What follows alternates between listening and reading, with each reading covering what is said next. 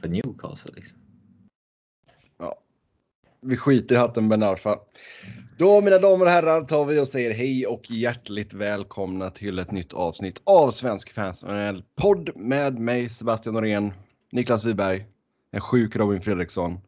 Sen är jag även en sjuk dotter hemma så det kan bli, eh, kan bli riktigt kaos detta. Och du har skaffat dig en fiende i Noah Backner. Ja, hatten Ben Arfa. Mm. Ja, jo, men jag tänkte liksom i det stora sammanhanget just nu så skiter jag i hatten Det skaffade ju sig Sebbe tidigare när han eh, var oerhört kritisk till Noahs eh, skepticism till Ole Gunnar Solskär som Manchester United. Nej, på riktigt. Gick du på honom då? Ja, ja, han klagade, beklagade sig över det i podden och, Ja, Det kommer jag inte ihåg. och i våran chatt. Kan vi gå tillbaka och kolla. Ja, det minns jag inte. ja, vi får se. Juryn fortfarande ute på Ole. Nej. Vi- Nej, det är det Jo, jo, det är den. Eh, Så, så är det.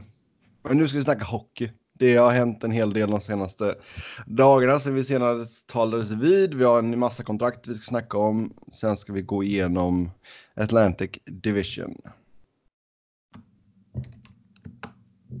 Först ut, kontrakt. Boston med två stycken fina bridges här. Charlie McAvoy, 3 år 4,9 i capita och Brandon Carlo, 2 år 2,85 i capita. Nästan lite copy-paste på Varenskis kontrakt för McAvoy. Mm. Lite högre sista året där va? Ja, såklart. Eh, men. Eh, tycker det är konstigt att man inte bara skriver två år i så fall om man liksom är Charlie och Varensky. Eh, men eh, att man liksom bjuder på ett till billigt år i början. Ja. Eh, men eh, Alltså båda kommer ju fortfarande vara i bra åldrar. Och båda är RFAs fortfarande när de går ut. Men det, de, Men har inte det, eh, jag kanske har fel, men har inte det att göra med eh, arbitration-rättigheter och skit och grejer? Ja, säkert. Och sen. Eh, det verkar ju locka nu att signa ett hyfsat kort kontrakt, men det var liksom garanterat ett stort qualifying offer. Mm. Jag gillar den här trenden. Mm. Men det var ju alltså- sög lite när varenda jävel skulle ha 7-8 år. Ja, Sen exakt. så var ju de kontrakten alltid billiga två år senare för att capen hade gått upp. Ja, jo, jo. Men eh, det finns ju ändå... Alltså, man såg ju en tendens som du var inne på för om man går tillbaka några år där varenda jävla spelare som var någonting skulle ha sju eller åtta år. Mm. Eh, oavsett om man var en stjärna eller om man var en utfyllnadsspelare i topp 6 som kom från career year typ liksom. Men det är ju stjärnorna som, in, som inte är dumma och tar 7-8 år direkt. Mm. Eh, ja, förutom vissa då såklart. Men eh, det är ju the star players verkligen som kan, eh, som är tillräckligt trygga i sig själva för att skriva det där eh, två, tre år med ett högt qualifying offer och eh, ja. Casha Ja, och jag menar det här, det här är ju bra för, för Boston också. Eh, Ja, nu kan de ju fortsätta kräma ut det sista här rekordet. Nej, men det är väl lite så att eh, inte för att jag nödvändigtvis tror att deras fönster på något sätt kommer liksom slås igen med full kraft om två eller tre år. Men den dagen som Patrice Bergeron och David Krejci och eh, Zdeno Chara liksom, och kanske Marchand också om några år, vem vet hur han utvecklas. Den dagen de ja, lägger sin prime bakom sig och på ett väldigt tydligt sätt börjar kliva ner, vilket Chara givetvis redan har gjort. Men när han försvinner då och de andra börjar lägga sin prime bakom sig så bör ju rimligtvis chanserna vara lite mindre för Boston kan man ju tycka. Även om de har en del yngre spännande spelare på gång. Mm. Och få in eh, ja, i första hand då McAvoy på ett väldigt överkomligt eh, cap hit är ju på alla sätt gynnsamt för dem. Oh ja, jo det är klart det. Sen vet inte jag alltså hur, hur har snacket gått kring uh, Tory Krug. Han går in på sista året här nu. Det har inte varit så mycket snack om honom va?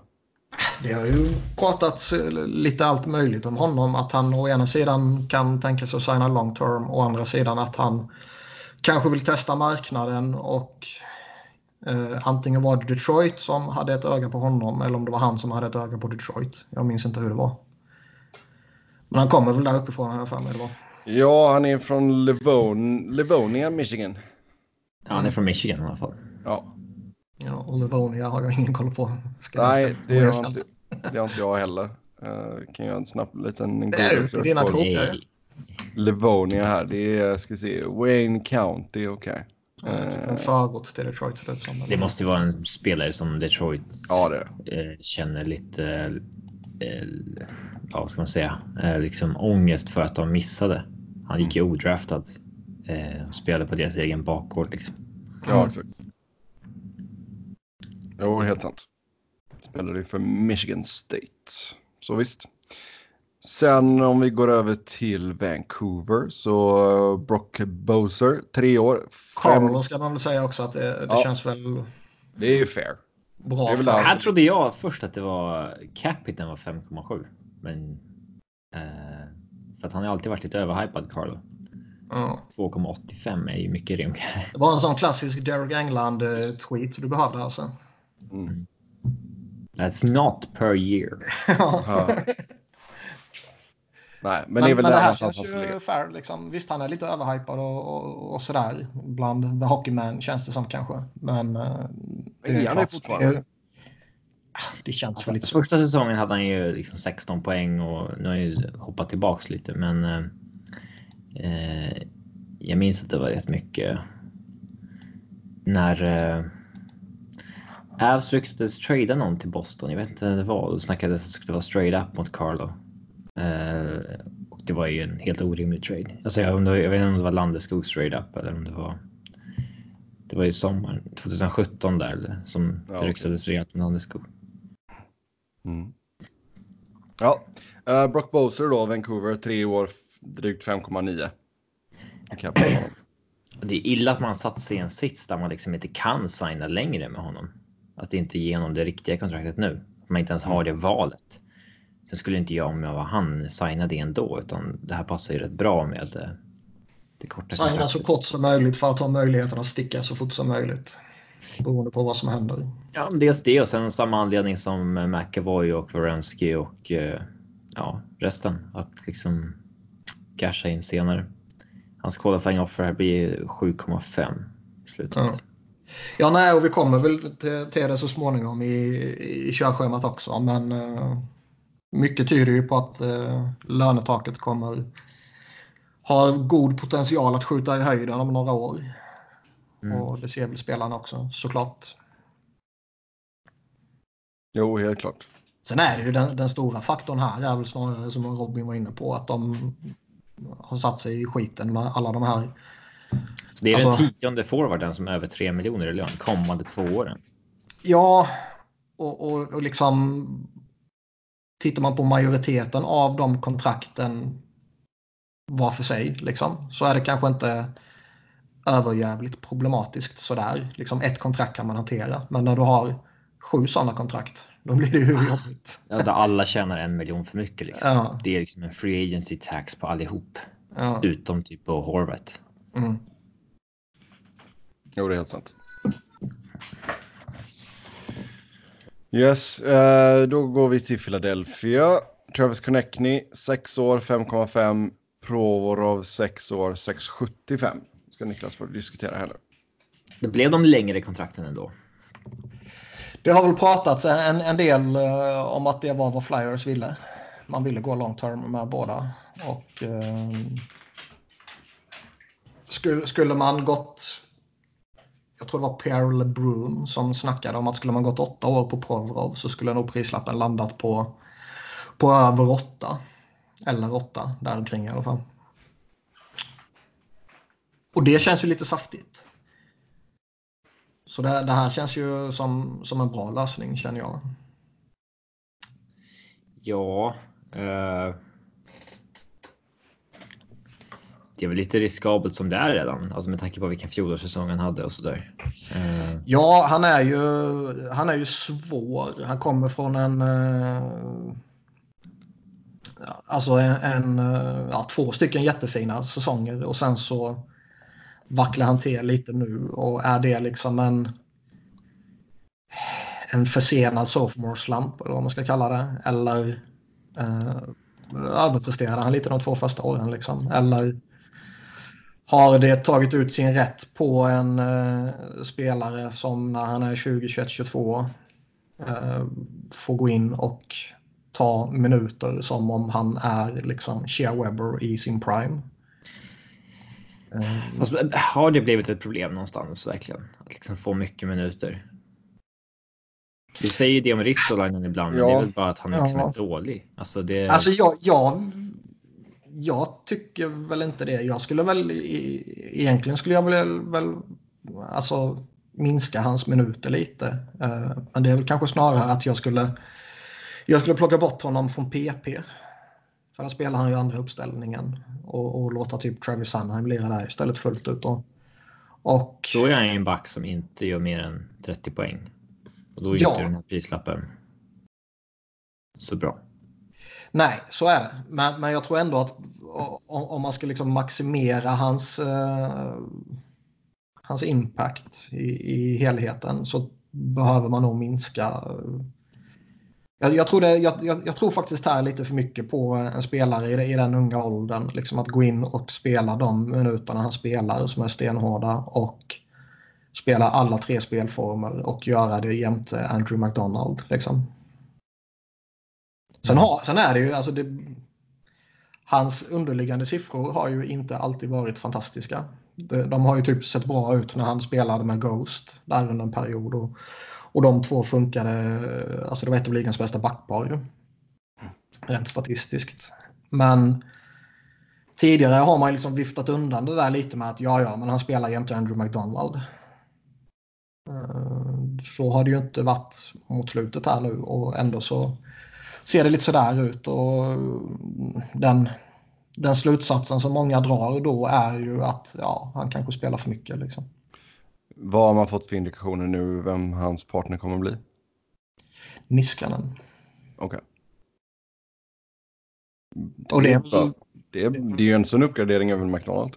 Ja, det är det. Och det är väl så jag skulle få med de två. Eh, eller jag skulle väl sätta ihop de två också med varandra. Sen var det många som förväntade sig att Sunheim skulle spela med Justin Brown. Men det verkar bli Ghost och Brown istället. Ehm, men jag, jag är liksom. Jag är inte särskilt orolig över det här kontraktet. Sen är det väl som, som Robin var inne på, alltså spelar han inte powerplay så kommer han kunna producera som, som han gjort tidigare. Uh, när han gjorde sina 17 mål där så var det ändå liksom det var ju mycket 5 mot 5 där. Tanken var att han skulle göra 60 poäng i år. Liksom. Typ. Fast, det, fast 60 poäng i och för sig, det kommer han ju inte göra utan PP1-tid. Nej. Och så länge Ghost är eh, kvar och gott slag är, är man övertygad om hans briljans, då är det ju nästan bra att han hade ett tredje svagt år, för då har man ett helt annat förhandlingsläge. Mm. Ehm, men är man inte övertygad så då är, då är det lite läskigt så här längre i kontraktet. Mm. Får vi se om man ångrar sig i år 7-8 att man inte gick liksom lite längre. Ja. Eh, frågan är vad Flyers kommer vara om 7-8 år. Det, kommer det känns... bakom sig och inte bry sig. Ja. Mm. Ja, det var en framtid som är svår att förutse i alla fall. Oh, ja. ja. Connectny sen är ju som, som, vi har sagt lite tidigare. Han har, han har lite svårt att driva sin egen kedja. När, när han kommer ner lite i hierarkin så, så är han inte en impact player på det sättet. Däremot är han en grym komplementspelare i en bra omgivning med då Euro Couturier till exempel. Så när han spelar där uppe så är han ju en av ligans bättre 5 mot 5 spelare. Om man tittar på produktion. Men 5 mot 5 är ju ingen eh, lön för en spelare som driver någonting längre. Nej, nej, så är det. Det är ju mer en komplementlön. Liksom. Ja. Alltså topp 6 ja. forward. Och det är ju alltså om, om, han, om han fortsätter att vara vad han är nu så tycker jag det här är fair. Liksom, tar han det där klivet som alla hoppas han ska göra och många tror att han kan göra så kan det här ha god potential. Mm, mm fin potential helt enkelt. Vi får se hur det slår ut i alla fall. Men eh, antar att du är ganska nöjd med dessa två kontrakten ändå. Ja, alltså Ja. säga vad man vill om Flyer eller Fletchers plan. Om det var rätt spelare man gick efter, om man skulle eh, gjort något eh, annat liksom. Men han identifierade en plan och han identifierade behov och han har fyllt alla de behoven i den planen liksom. Det borde han få cred för i alla fall. Mm. Så Sen nu är det slut, sen slutspel eller bast helt enkelt. Ja, på ett sätt ja, på ett annat sätt så är Metropolitan, alltså man kan sluta allt. Jag, jag tror Caps är i en klass för sig faktiskt, men man kan, alla andra lag kan ju sluta allt från tvåa till åtta. Mm. Ja. Sen har vi Minnesota. Där skrev man ett sjuårskontrakt med Jared Spurgeon. 7,6 drygt. 5,75. Och sen en tvåårsförlängning med Kevin Fiala. 3 miljoner capita på honom. Så vi kan Ja. ta Spur Spurgeon först, det är det stora. Det kickar in efter nästa säsong. Så han går upp från drygt 5,2 till 7,6. Ja, den här är ju. Jag vet ju att han är lite Analytics favorit och sådär, men. Eh, ändå en del som reagerar på när man liksom fick kontraktet att fan shit, han är ändå 30 nu. Mm, han fyller 30 i november. Ja, otroligt gammal. Och Gammal. ja, men liksom, det här går ju ut när han är eh, 38 tror jag. Mm. Och då. eh, Ja, ja, alltså han kanske håller sig jätteeffektiv till han är 35 36, eh, men. Eh, det känns som att Minnesota får slänga på ett par år extra här för att de inte ens är en attraktiv location just nu. Ja, eh, jag, jag gillar honom liksom. Jag, jag tror det finns god möjlighet för honom att åldras med värdighet. Och eh, vad ska man säga? Det, finns ju en faktor av det du är inne på, liksom, att man, man, man får pröjsa lite mer för att, för att behålla honom. Det tror jag också. Eh, Sen är det givetvis jävligt riskfullt med alla spelare som är i 30-årsåldern och signa upp på sån här maxkontrakt liksom, eller nästan maxkontrakt. Är man 30 år så är man i en ålder där man har sett sina bästa dagar. Ja, man han är hade ju sin kraftigt bäst- på väg ner för livet. Ja, han hade ju sin bästa säsong i fjol där med 43 poäng, 14 mål. Nej, men han är jätteduktig. Eh, och, och liksom, han, han var ju en av de här spelarna som det ryktades eller spekulerades lite om att Flyers kunde gå efter. eh, för att man ville ha en back liksom. Och nu landade Så man i det- typ Niskanen och Brown istället. Men han var en av som ryktades där. Sen, men det var ju när Paul Fenton fortfarande eh, svingade vilt i Minnesota och alla trodde att man kunde blåsa han på, på alla dagar i veckan. Liksom. Mm. Men det är även då var man ju lite orolig för att även om man skulle få in honom och det skulle vara en fin kortsiktig boost så var man givetvis orolig för ett långtidskontrakt. Men är det här ett tecken på att man går för det? Mm, man har bestämt sig för att ge den här kåren två år till och så kör man liksom. Jag tror inte att Bill Gurren har något annat att välja på. Jag tror det var en, eh, som vi har pratat om tidigare, jag tror det var en avgörande del för att ta jobbet. Ja, Alltså förutsättning från ägarhåll att ja du ska inte bygga om. nej, utan du ska gå för det. Och, och liksom, ska man gå för en slutspelsplats och du ska försöka behålla de bra spelarna som du har så ja, även om man ser en trend på att eh, det är kortare kontrakt som signas så är det ju snarare de yngre som signar de kontrakten. Jo, det är klart. Jo, de äldre vill ju ha De både vill ju ha, ja, exakt. Ja. Så är du Absolut. 29-årig back och ska skriva ett kontrakt i förtid så skriver du inte två eller tre års kontrakt om du har möjlighet att skriva sju eller åtta år. Nej, så då, då har du ju ändå så. Du har ju Sutter, Dumba och Spurgeon nu då fram till Dumbas kontrakt går ut inför säsongen 23-24. Ja, och de tre är jättebra. Mm. Jag tror alla de tre kommer hålla en, en hög klass de kommande åren. Sen på sikt är det givetvis problematiskt med både Suler och Spurgeon. Men, uh... Mm. Ja. Jo. Sen Kevin Fiala då. Ah, det är väl inte så mycket att säga. Att det är väl ganska naturligt att det blir en, en ja, gammaldags bridge så att säga. Tre miljoner och ingen. Han har ju fortfarande en del att bevisa ändå. Alltså. Ja, absolut. Han är inte så jäkla ung heller. Nej. Och visst, han gjorde ju en, en säsong där i, i Preds. Där han, 23 fyllda nu. Och, Ja.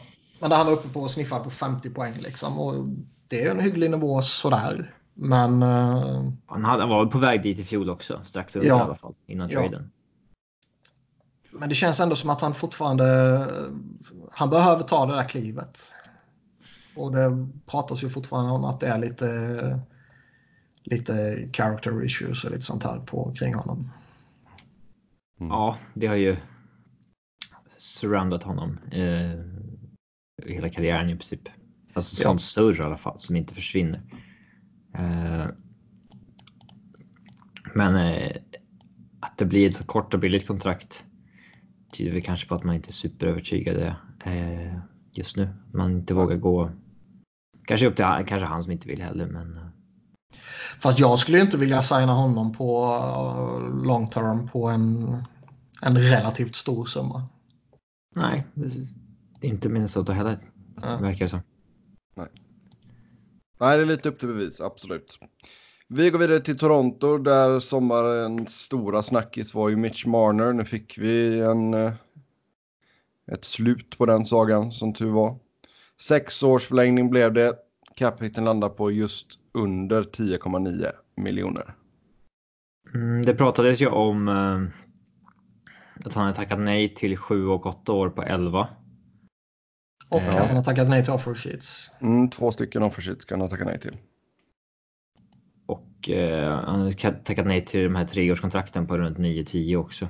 Mm. Så det här blev någon mellanväg helt enkelt. Som tar honom till eh, Free Agency snabbare. Och eh, han eh, ja, tar lite mindre än 11 då. Men eh, det är fortfarande en jävla lön han får alltså. Ja, det är klart det.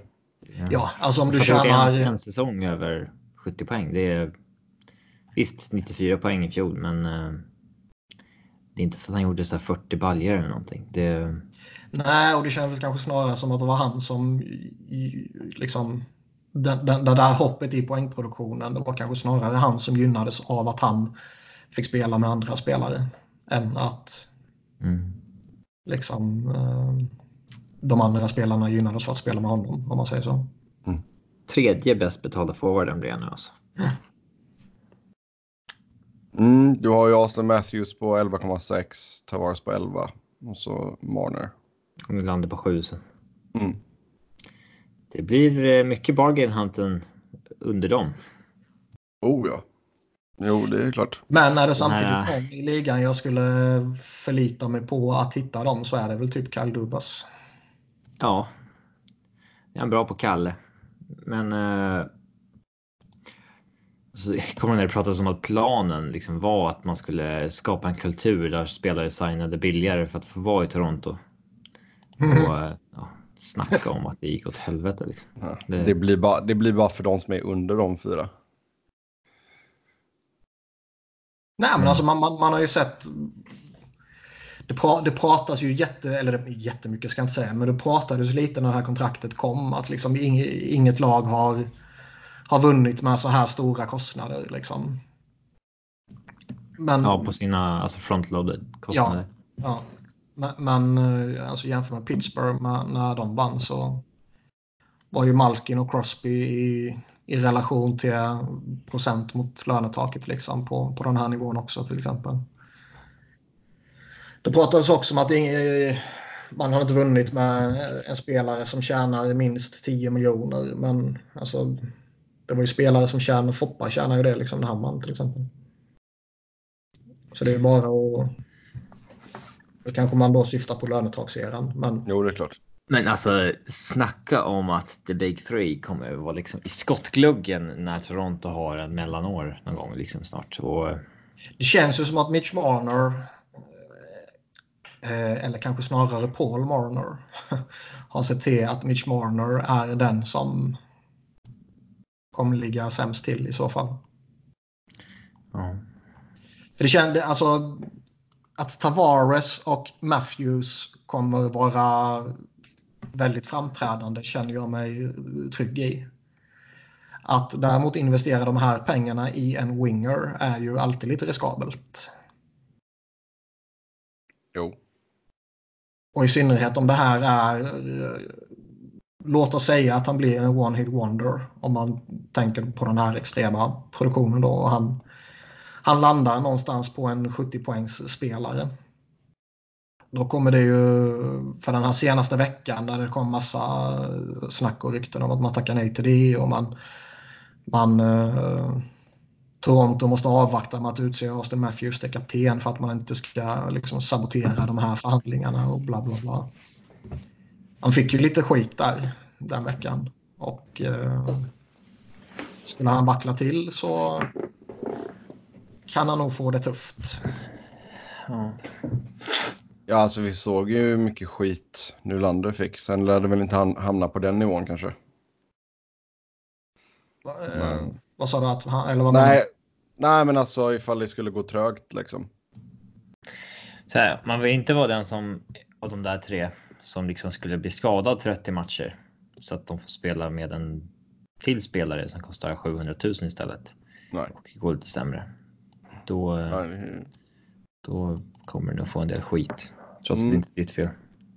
Nej, det är helt sant. Eh, vi fick en fråga i live-chatten här. Joakim undrar vilka lag det var som la offer sheet på Marner. Det var väl Columbus? kan vi avslöja här. Ja, men det var, var Columbus Islanders har det väl... eh, Jag, tror, jag vet inte om det är bekräftat. Men det blir det väl inte liksom. Men det är väl de du har pratat om. Men eh, det har inte varit nu. Det måste ju varit tidigare. Ja, det måste vara tidigare ju. Sen är det alltså... Man undrar ju om Montreal kan ha varit där också. Ja, det var en fin skalp. Men, men.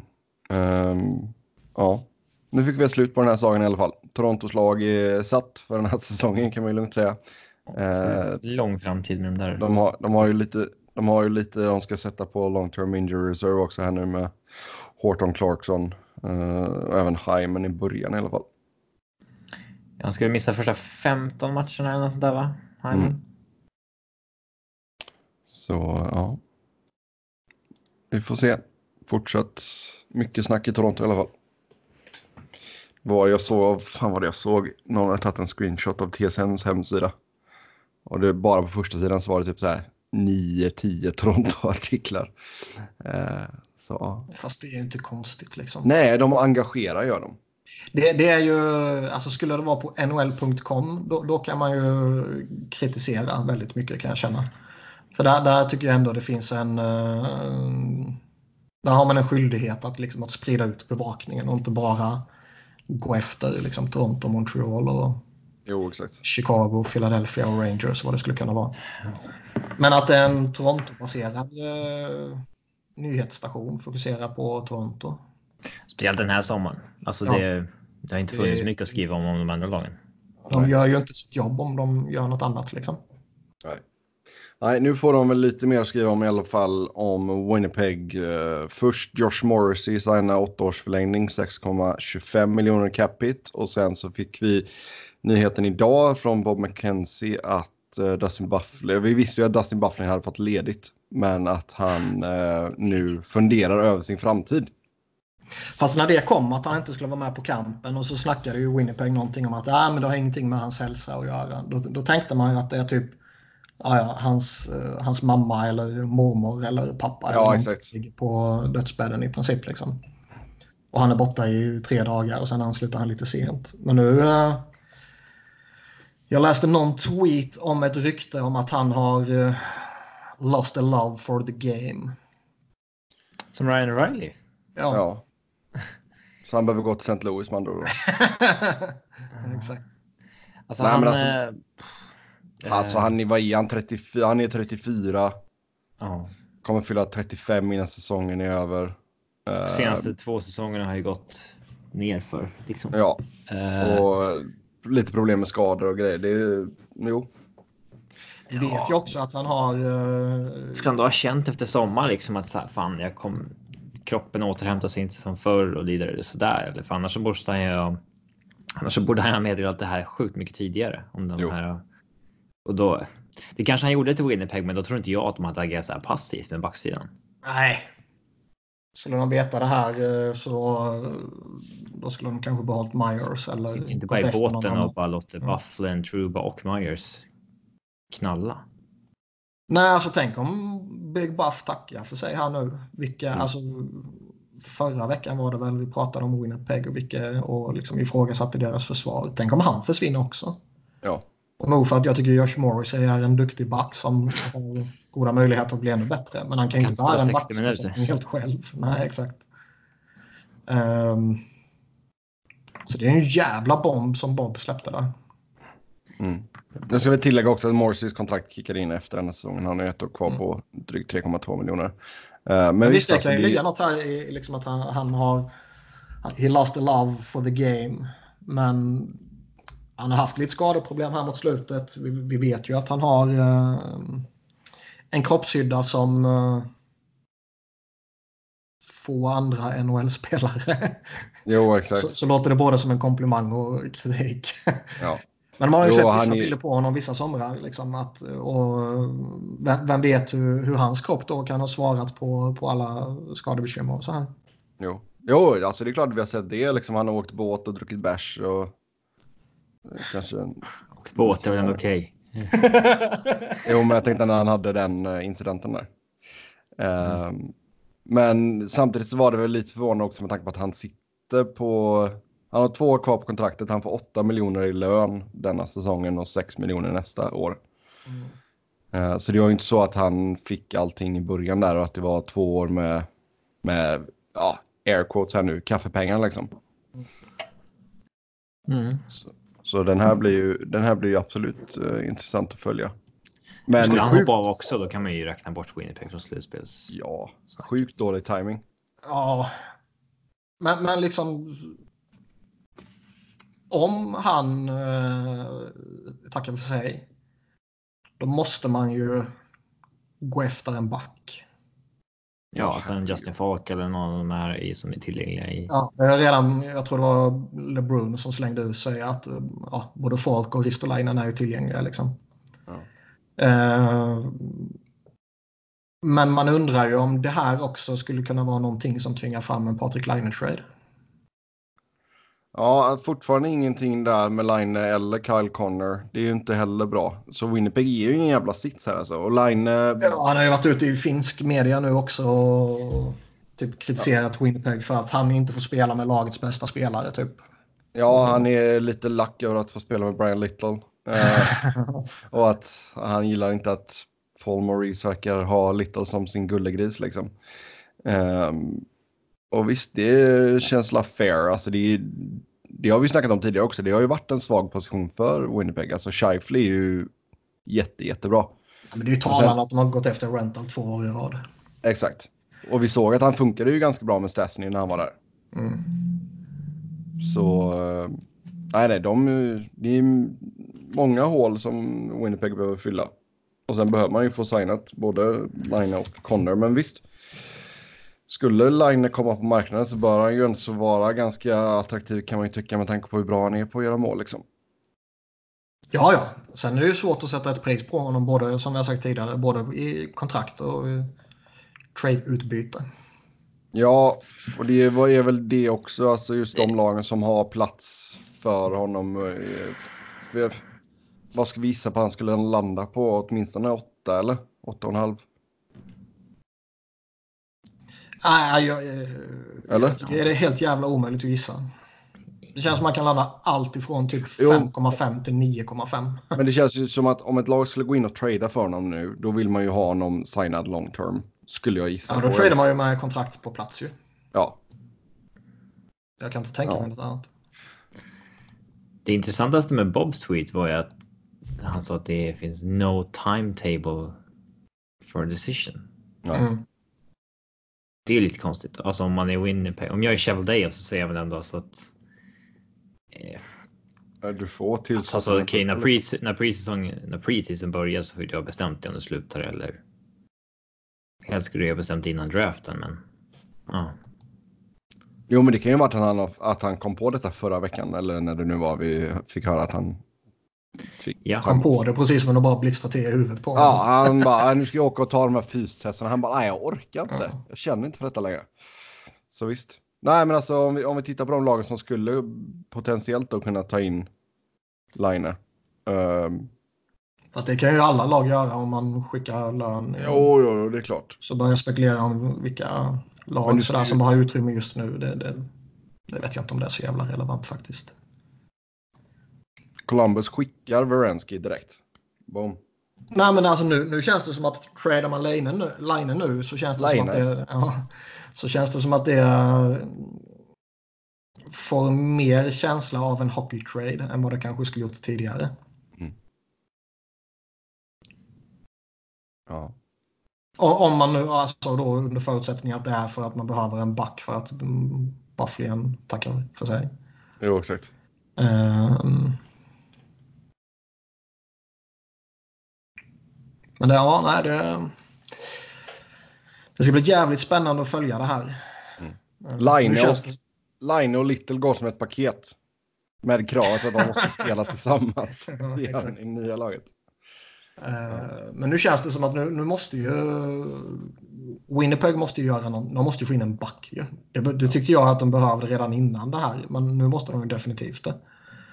Eh, oavsett om han bara drar ut på beslutet eller om han meddelar att han slutar. och Liksom. vad är det för. Bufflin som kommer tillbaks då liksom? Ja. Ja, Jo, men och det är ju det som är grejen också. Visst, du kanske behövde en, eh, som du sa, du behövde ju en back redan innan detta.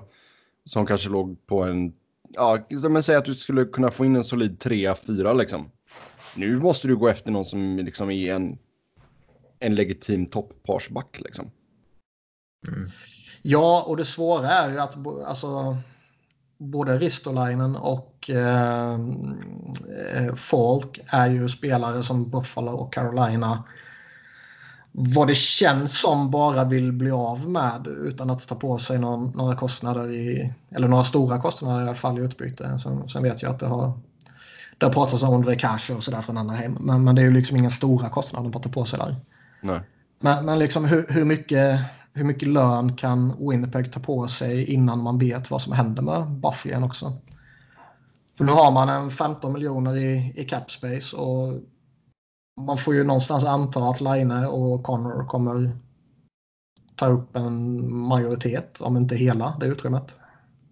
Ja, ja, skulle de signa Winnipeg så känns det ju som att de skulle äta upp åtminstone 90 procent av det.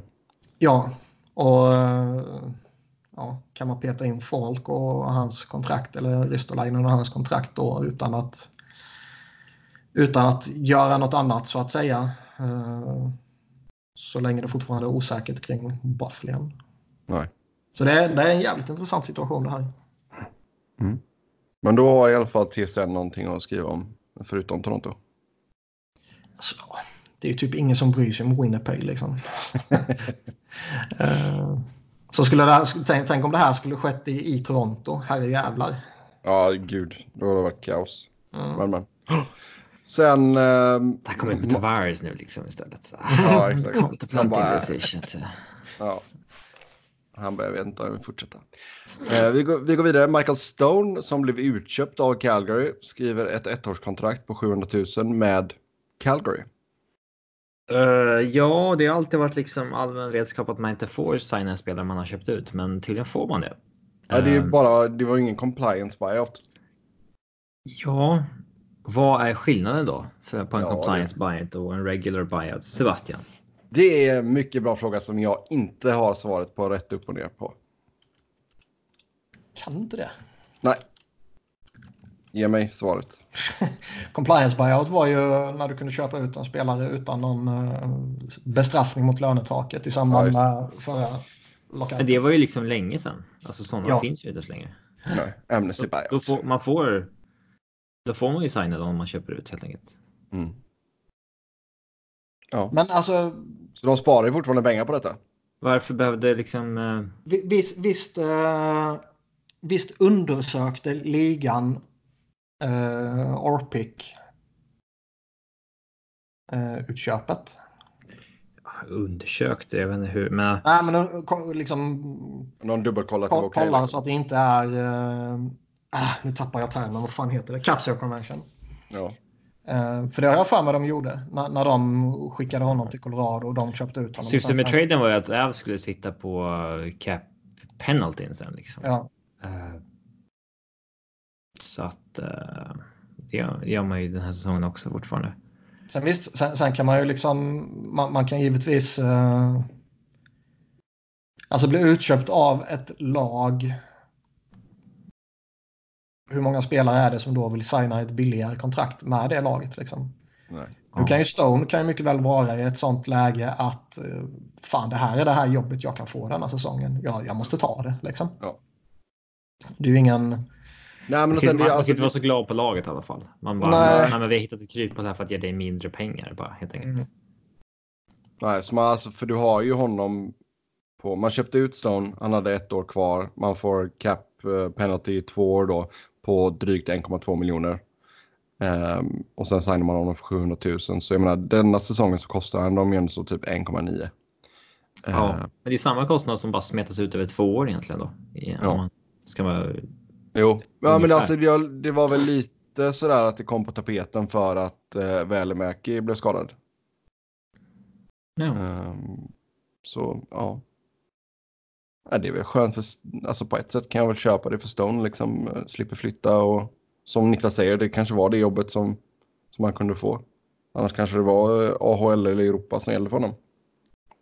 Ja, för det, det är ingen stjärna liksom. Nej.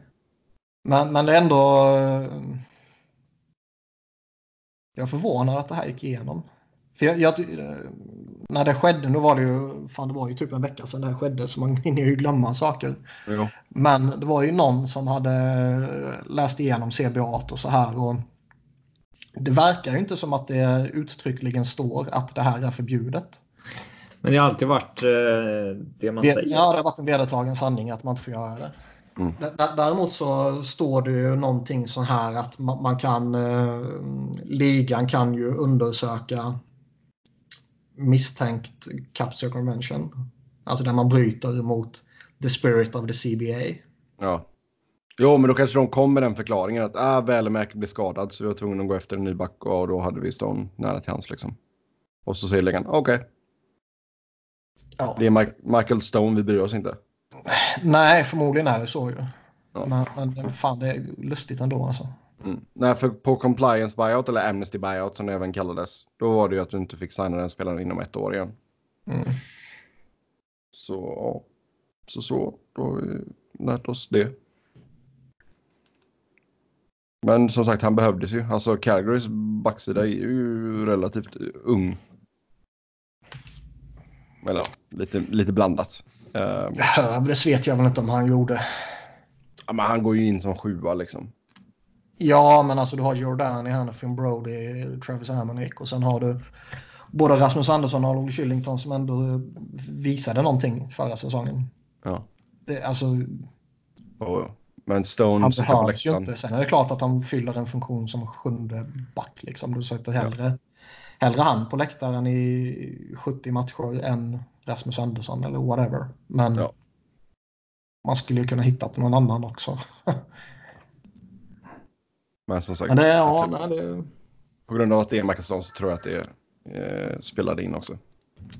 ja. Ja, nu gapar Stella på mig här. Så nu ska ni få snacka Ah, om eh, ah. Pavel Saka, New Jersey 3 år, 2,25 miljoner. Varsågoda. Ja, eh, Det vill vi ju inte. nej det vill jag inte. Nu, nu, när han sa namnet så funderar jag på varför jag i helvete ens skrev upp det i körschemat. För.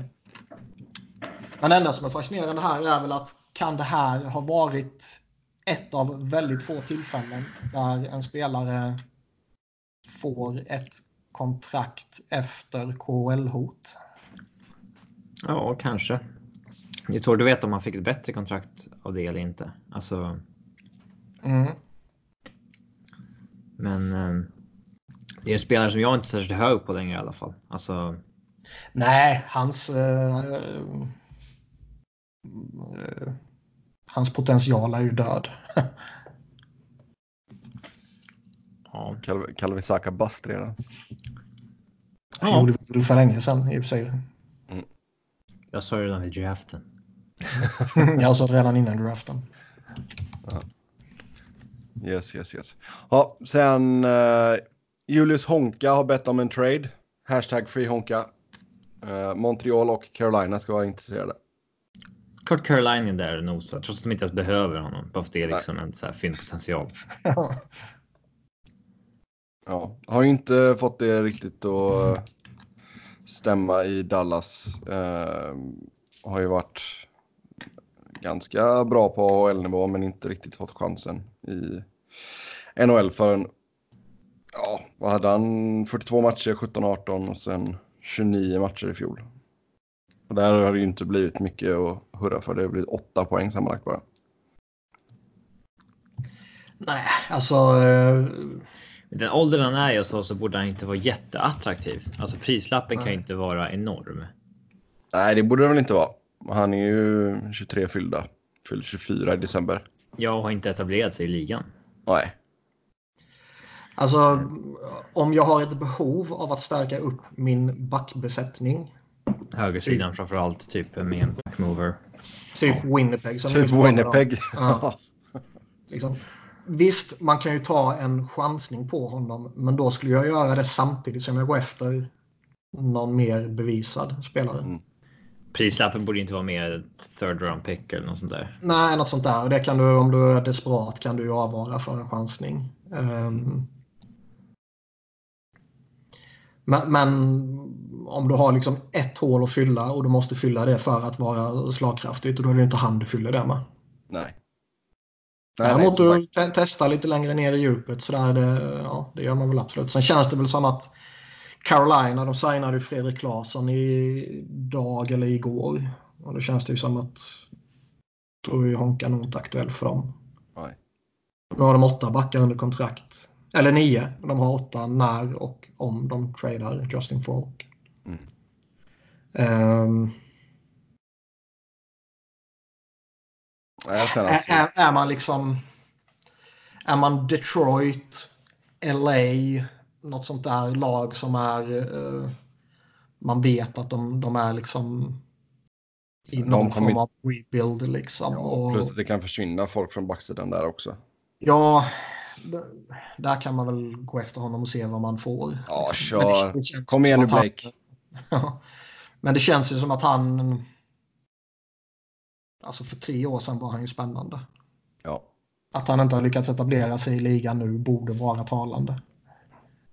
Ja. Sen har det ju varit svårt också. Det är ju en, det är ju en spelare som kanske skulle må bra av att spela ja, åtminstone i andra PP. Ja. Ehm, så visst.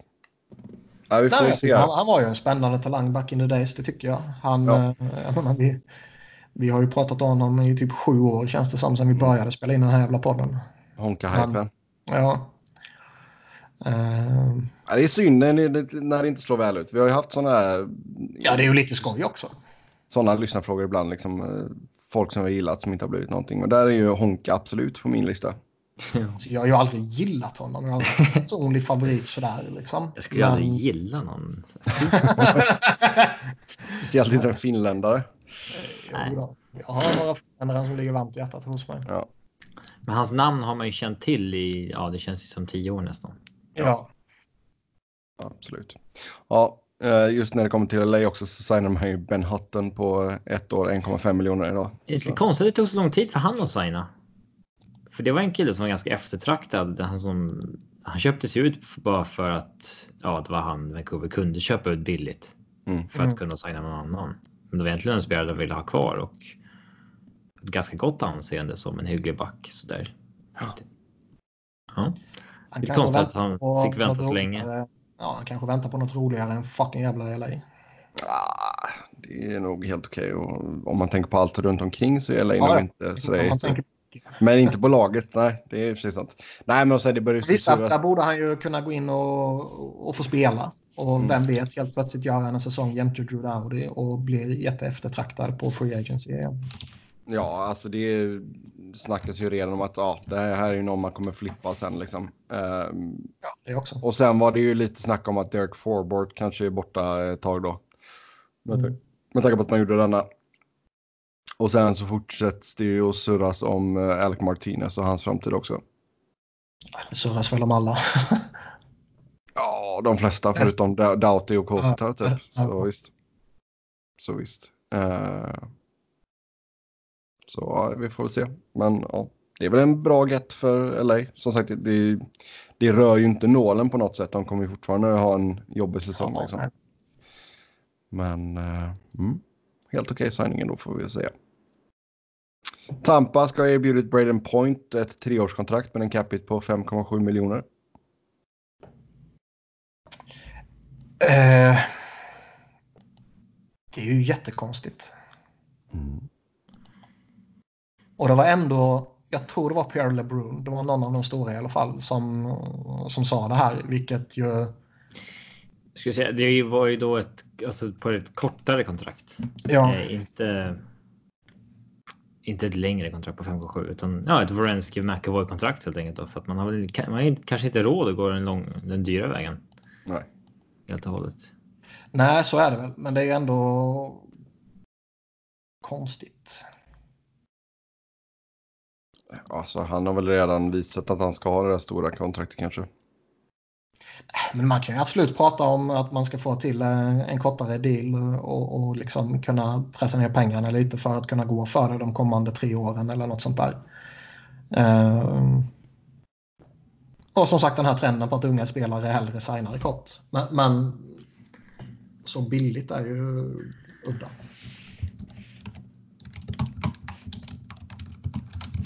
Eh, så det, det, har jag svårt att se att det blir något av det. Och nu kommer han signa ett sånt kontrakt om tio minuter givetvis.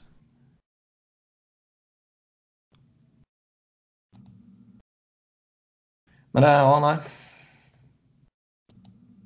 Läs av podden och gå vidare.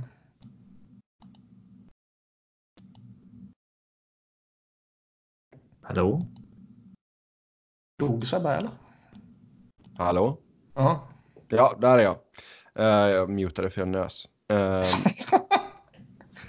spelarfacket förlänger kollektivavtalet. Man valde att inte öppna upp förhandlingarna uh, efter att ligan tidigare hade sagt att man gärna kör på på det man har.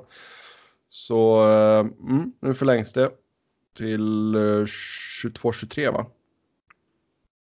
Mm. Om jag inte har helt fel. Um, så, så det är garanterat att se hockey de närmsta vad blir det, tre, fyra åren i alla fall. Ja, så det är alltid någonting. Eh, vi har fått in en lyssnarfråga här. Vad i det nuvarande CBA är det som ryktas att spelarna är missnöjda med och vad vill de ha för att de ska vara nöjda? Alltså den stora grejen har ju varit escrow. Escrow. Ja. Och vad är escrow, Sebastian? Nej, varför ger du mig alla de här jävla förklaringarna? Det är du som jobbar åt NHL.com. Men alltså. Ja. Det är du som är stationerad i Nordamerika för att bevaka NHL-hockey. Escrow is a contractual arrangement in which a third party receives and disburses money or property for the primary transaction parties. Ja, och så kan jag säga, det är liksom en eh, skatt som de betalar tillbaks till ligan på sina ja. löner. Typ. exakt, och den ligger på typ 16 procent nu eller något sånt där konstigt. Den är ju alltså. Eller vad är det? Är det 16? Det är pengar de ska få tillbaka ah, egentligen. Men ja, men alltså, alltså, ligan tar ju pengar från deras lönecheckar och håller dem. Och betalar, beroende på hur det går ekonomiskt för ligan, eh, tillbaka de pengarna. Eh, eller en viss del av de pengarna i alla fall. Och det, det liksom escrow, hur det fördelas och hur det funkar, det har ju alltid varit eh, problem. Liksom. Eh, och man hör ju mest hela tiden om spelare som beklagar sig över att man signar ett kontrakt för x antal pengar men du får inte i närheten av de pengarna som du signar för. Liksom. Och Visst, det, hela det här skattetjosfrejsan påverkar ju det givetvis. Liksom. Det, det finns Mm. Det finns såklart folk som anser att man inte ska betala någon skatt överhuvudtaget och det finns folk som anser att eh, det är bra att betala skatt. Eh, ska men vi se, nu... Ska SK är ju en del av problemet. Ja, Eh, det är alltså någonting som justeras fyra gånger om året. Eh, baserat på Projected Hockey Related Revenue. Eh, och förra säsongen så blev det 9,5 procent i escrow, alltså i eh, snitt. Så snittet landade på 9,5 procent. Det är seriöst, det är bara enklare att googla och leta själv om man behöver få reda på det än att sitta och förklara det. För det är fan rätt invecklat. Ja, och sen så betalar man 30 dollar per dag när man är på NHL-rosten till eh, spelarfacket i Union Dues. Mm. Så ja. Men det är sånt man kanske inte alltid tänker på heller. Just det här med escrow och sådana grejer. Att man, man tänker att ja, men han tjänar så här mycket. Och sen så har han så här mycket i skatter liksom. Men eh, ja. Så Sen är det ju alltså typ OS-spel, World Cup och hela det här köret är ju en del av det också. Jag kan mycket väl tänka mig det. Det är mycket sånt där bakom som man eh, aldrig tänker på som har blivit aktuellt här mot slutet också med hur, hur man tar hand om sina spelare och kanske man tar hand om spelarna efter karriären och sådana där grejer som jag mycket väl kan tänka mig är involverade här också. Men det som det pratas om det är ju liksom pengarna de får. Det är ju det som är det stora. Ja, nu får jag lämna igen här. Jag tycker också det är talande. Alltså. Min, min, första reaktionen när det kom att fack, spelarfacket förlänger. Var ju att jaha, det var konstigt. Och det intrycket förstärks ju när man läser om hur, hur glada ägarna är att de förlängde. Mm. Vilket borde liksom indikera på att uh, det här är någonting som gynnar ägarna. När ägarna valde att förlänga, då kändes det som att det bara var att. Eh, alltså bägge sidorna vill ju ha ett nytt avtal, men. Ja, ägarna vill inte vara the bad guy igen, utan det får Nej. spelarna bli den här gången då. Att det officiellt får vara så att vi var villiga att köra vidare på det här, men att spelarna inte vill. Mm. Sen är Det det, väl väl klart. alltså det, det, det här. Den här versionen av CBA är väl liksom. Folk är väl överens om att det är mer gynnsamt för, för ligan och ägarna än för spelarna. Liksom. Eh,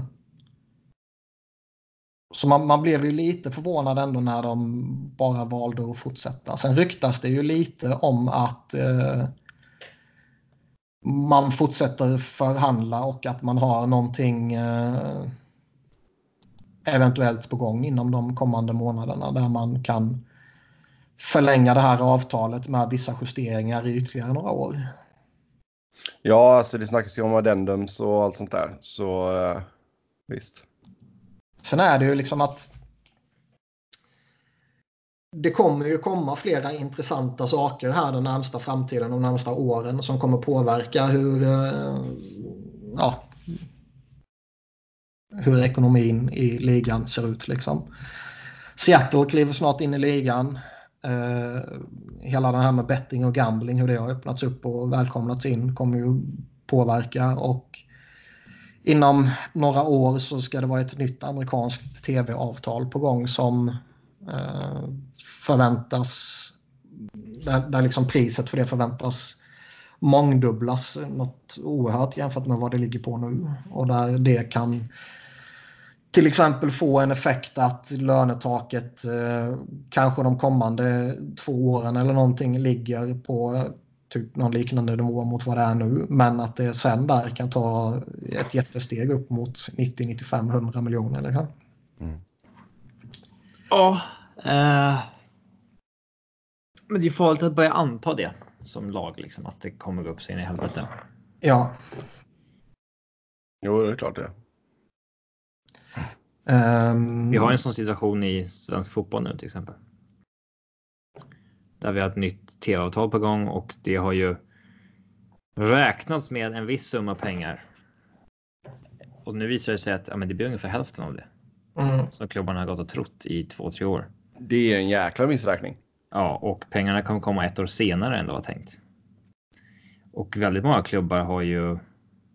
Säg inte att de har lagt i budgeten. Jo, men det jo, Det är klart absolut. man har.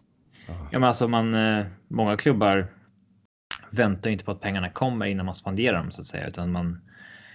Eh, ja, man anser att pengarna ska jobba liksom och att man försöker. Get ahead of the curve, signa långa kontrakt nu innan pengarna har kommit och liksom priserna går upp. Sen om det visar sig sen då att de pengarna inte kommer. Usch, då Ja. blir det jobbigt. Nej, det finns, det finns några som hamnar, hamnar i lite, lite knepig sits. På grund av det där. Mm. Eh.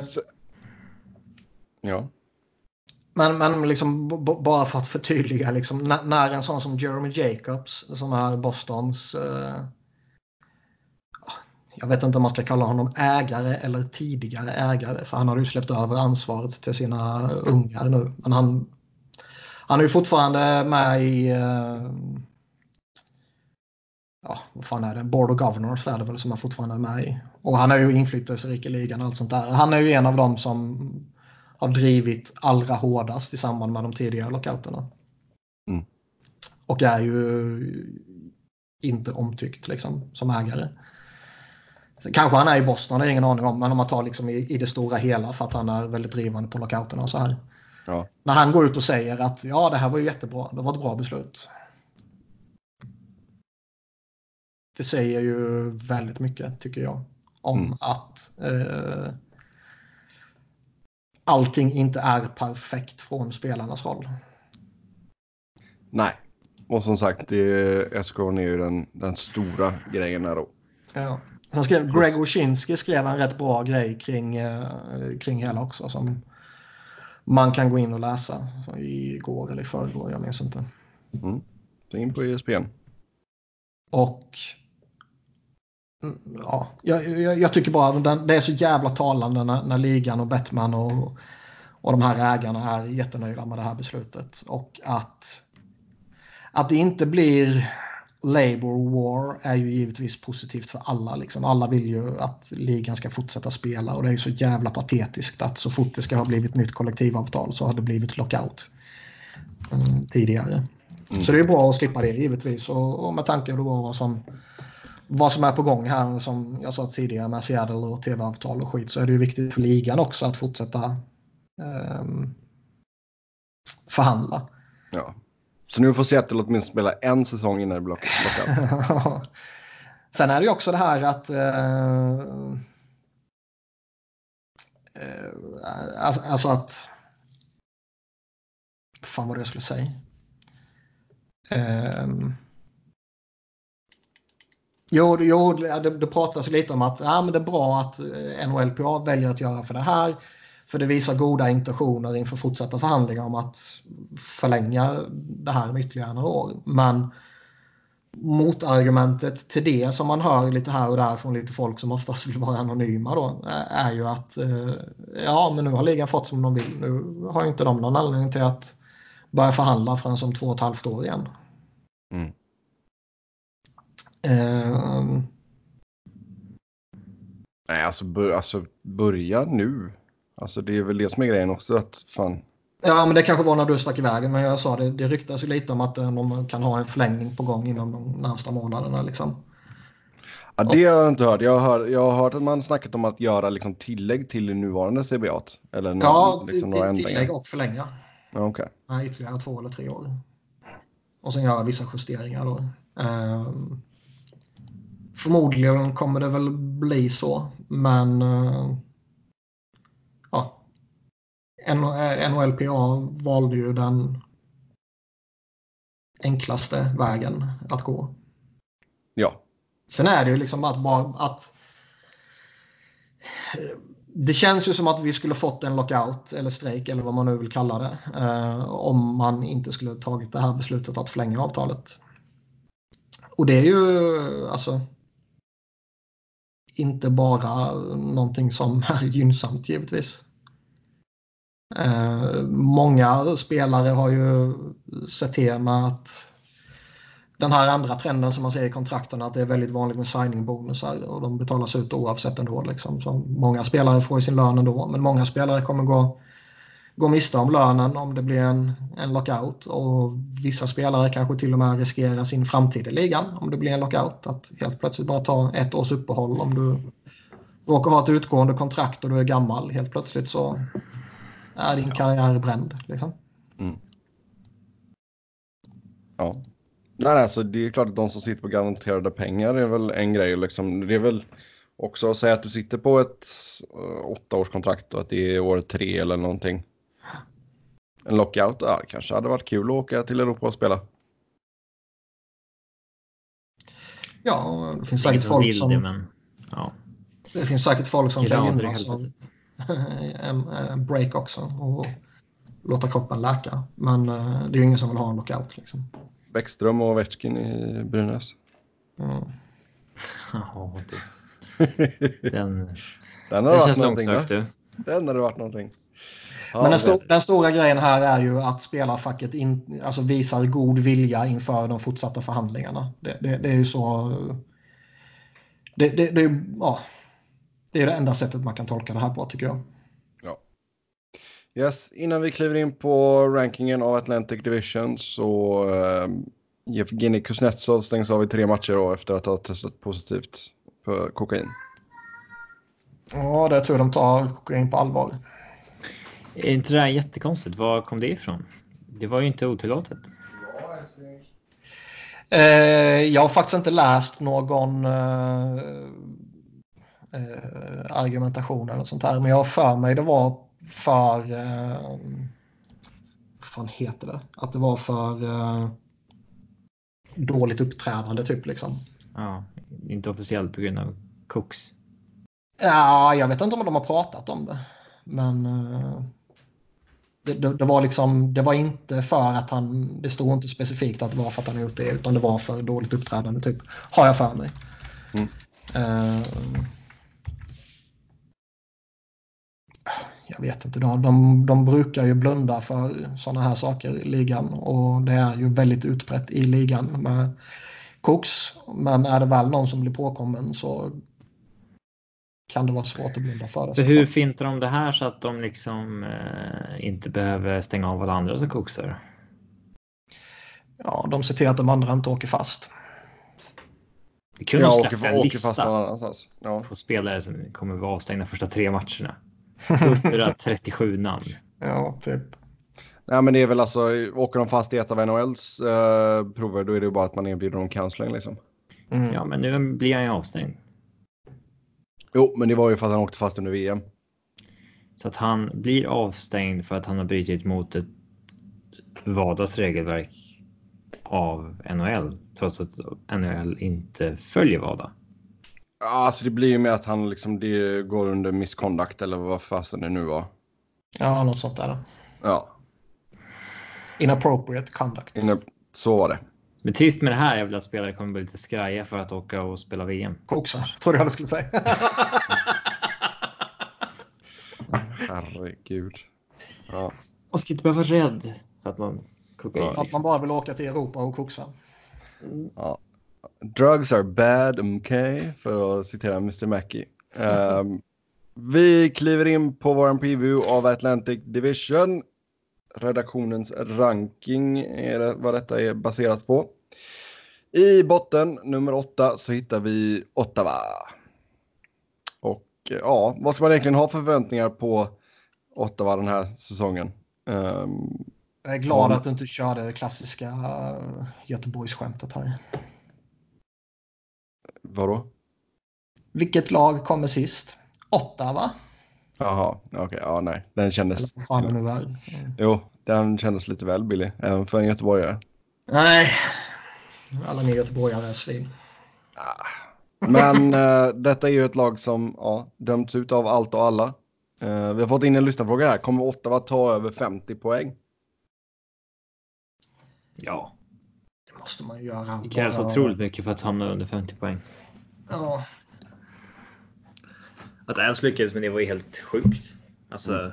det ska inte kunna ske. Förra säsongen så blev det 64 pinnar. Nej, men alltså man, man kommer ju ta sina poäng hur dålig man än är. Det, liksom, hockeyn är ju en sån sport så du kommer ju vinna matcher även om du inte försöker vinna dem. För att de, de individuella spelarna kommer ändå... Alltså, de vill ju göra sina poäng för att eh, antingen få ut sina bonusar eller för framtida kontrakt eller vad det nu skulle kunna vara. Och någon jävel kommer alltid göra lite poäng när du får powerplay och skit och grejer. Ja. Och, och ja, målvakter kommer alltid stoppa puckar liksom. Mm. Där har man ju en 38-årig Craig Anderson som bör vara uttalad detta och sen har du Anders Nilsson som backup där. Ja, jag vet väl inte om han är sådär självklar uttalad detta. Alltså han har ju börjat dippa av och... Eh, Stod han verkligen så mycket i fjol? eh, han var ju lite skadad. Han hade ju lite...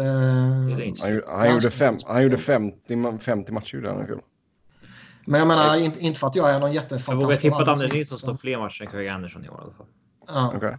Han kom in och gjorde det rätt bra efter eh, ja, traden var det väl. Det var väl inga waivers och sånt där. Trade måste det ha varit va?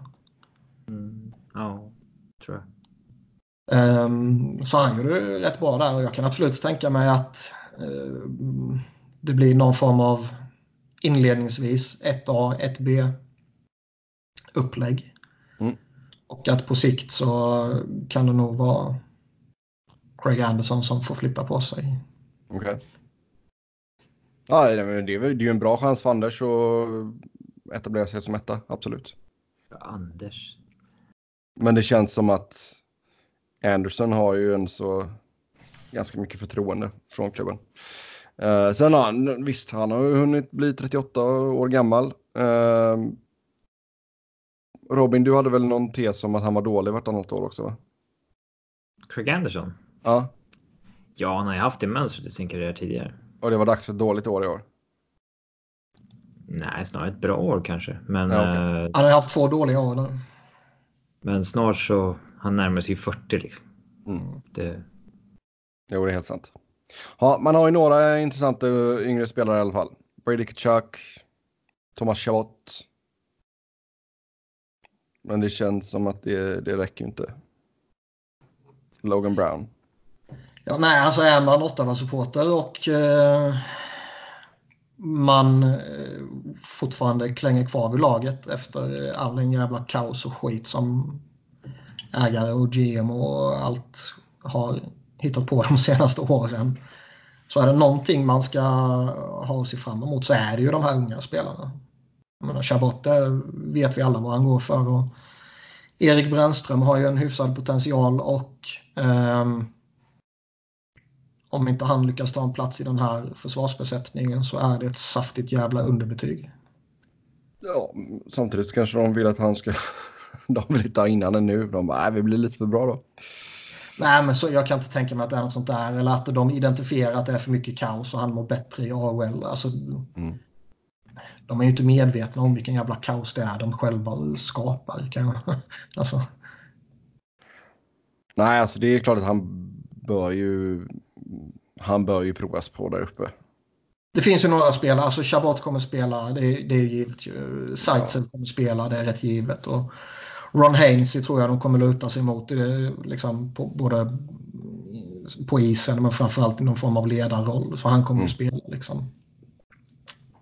Men i övrigt finns det ju jättegoda möjligheter för Brännström att ta en plats. Och misslyckas han med det så då ska han fan skämmas.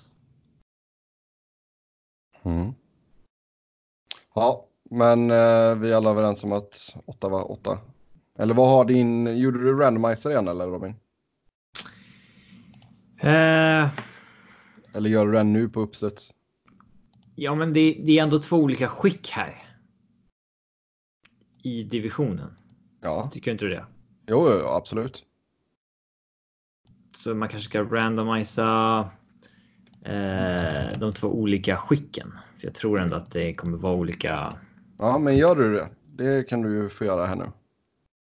Så kan jag och Niklas prata om, eh, ja, vad kan vi prata om? Bob, Bobby Ryan. Tre år kvar nu. Vad fan ska man säga om honom? Ehm, Vad hände? Alltså, det, det, ja, den enda funktionen han fyller nu är ju att eh, hans eh, stora kontrakt hjälper dem över golvet. Ja. Men låg på runt en halv poäng per match förra säsongen. Alltså han är ju fortfarande en OK-spelare liksom. Uh, och jag kan absolut se att typ uh, vad ska man alltså typ Brady Chachak och Colin White och sånt där. Om de spelar med honom så kan jag absolut se att han gör några poäng liksom. Men uh, jag kan inte se att han ens är i närheten av att leva upp till, till pengarna han tjänar. Nej. Och alltså laget är ju brutalt skit liksom. Det går ju inte att säga något annat. Visst, det finns några spännande unga spelare, men utöver dem finns det ju absolut ingenting att glädjas över.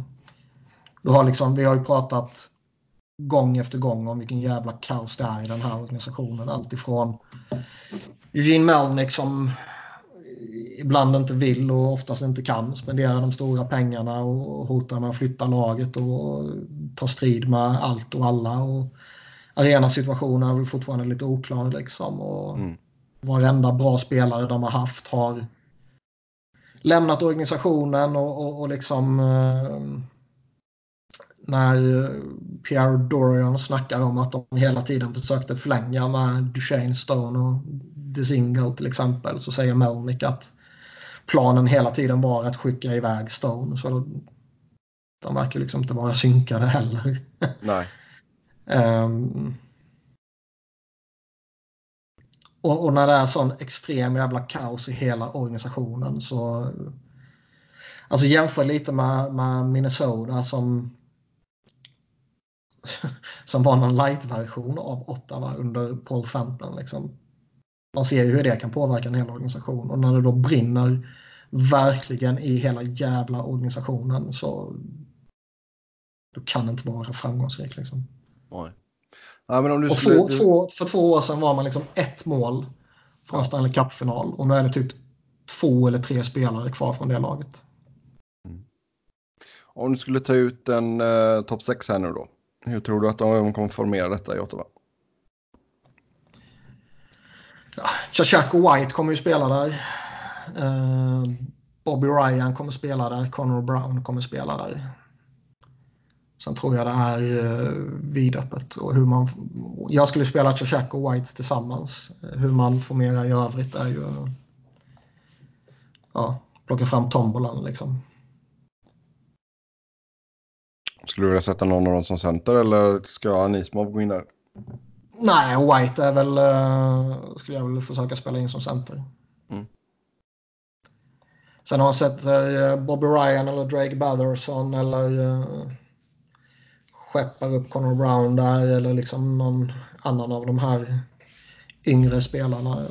Anthony Duclair och helt plötsligt bara studsar tillbaka på, på allvar igen och är där uppe. Liksom.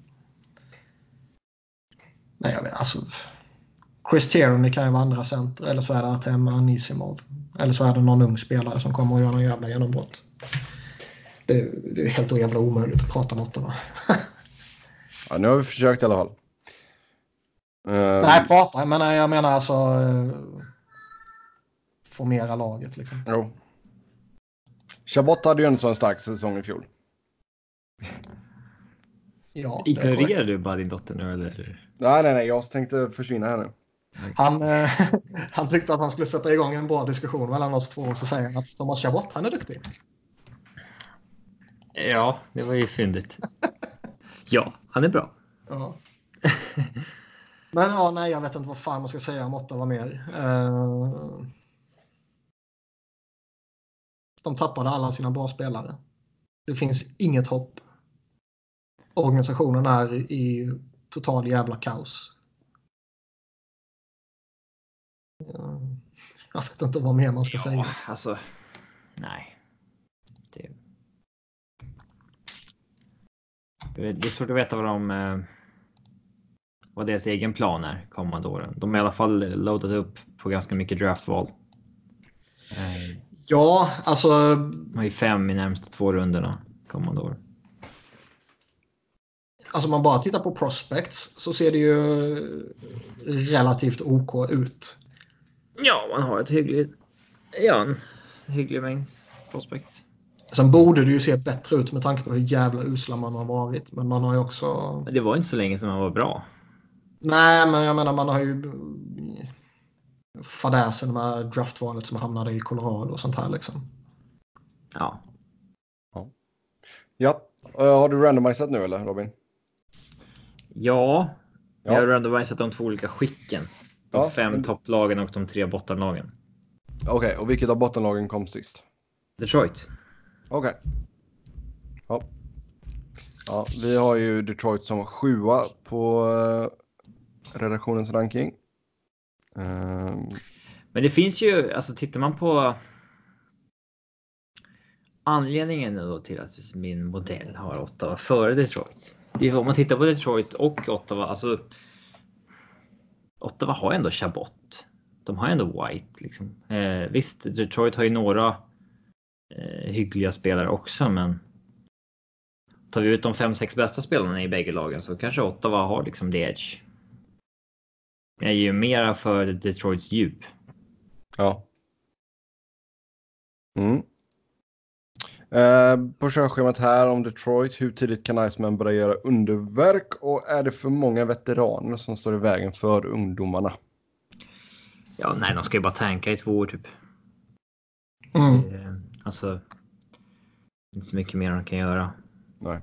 Vänta ut kontrakten på Helm och Nielsen och Filppola och alltså de. De ska ju bara vara dåliga nu i ett par år och sen eh, skörda frukten av draftvalen och. Eh, ja, de kommer ju försöka skicka de äldre kontrakten om det går under tiden. Mm. Men jag tror inte. Jag menar framåt deadline. Det kanske finns ett stort intresse för Mike Green, Jonte Eriksson, Trevor Daley. ehm, Jimmy Howard. Ja, Howard. Även om jag sällan ser målvakt i Gårsta vid deadline, men. ehm, Nej, men det räcker med en skada.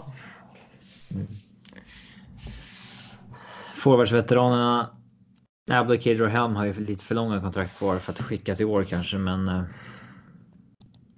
ja, Mm. Ja, och sen om man tittar liksom Anthony Manta, Athanasiao. De har inte så hunnit blivit 25 år gamla. japp.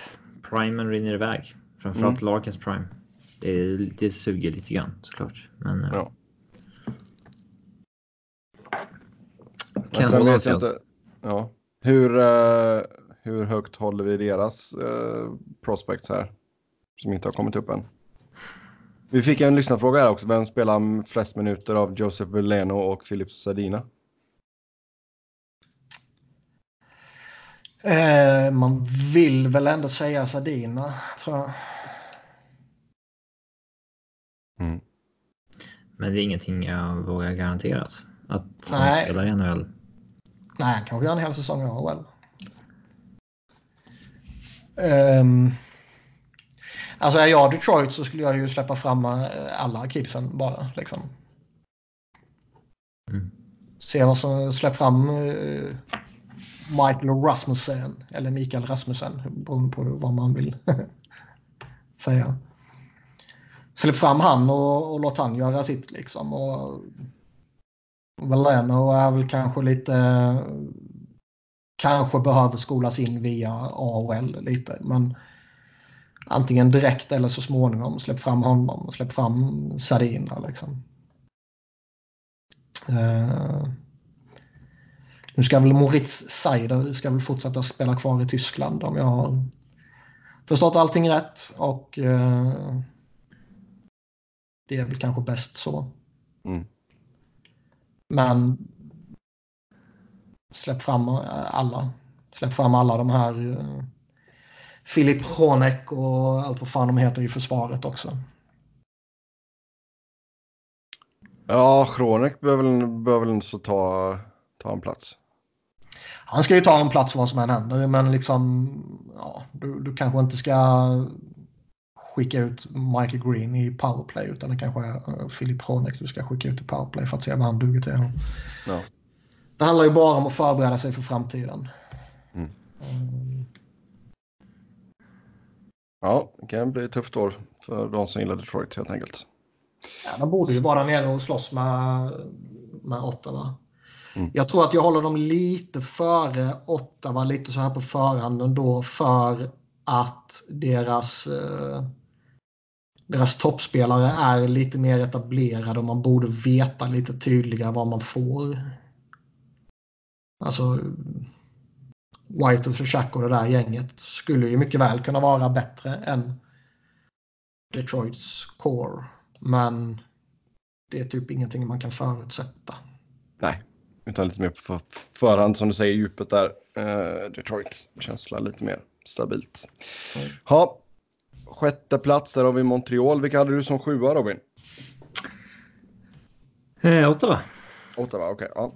Då har vi båda Montreal som sexa då helt enkelt. Eh, jag har Buffalo sexa. Ja, okej. Okay.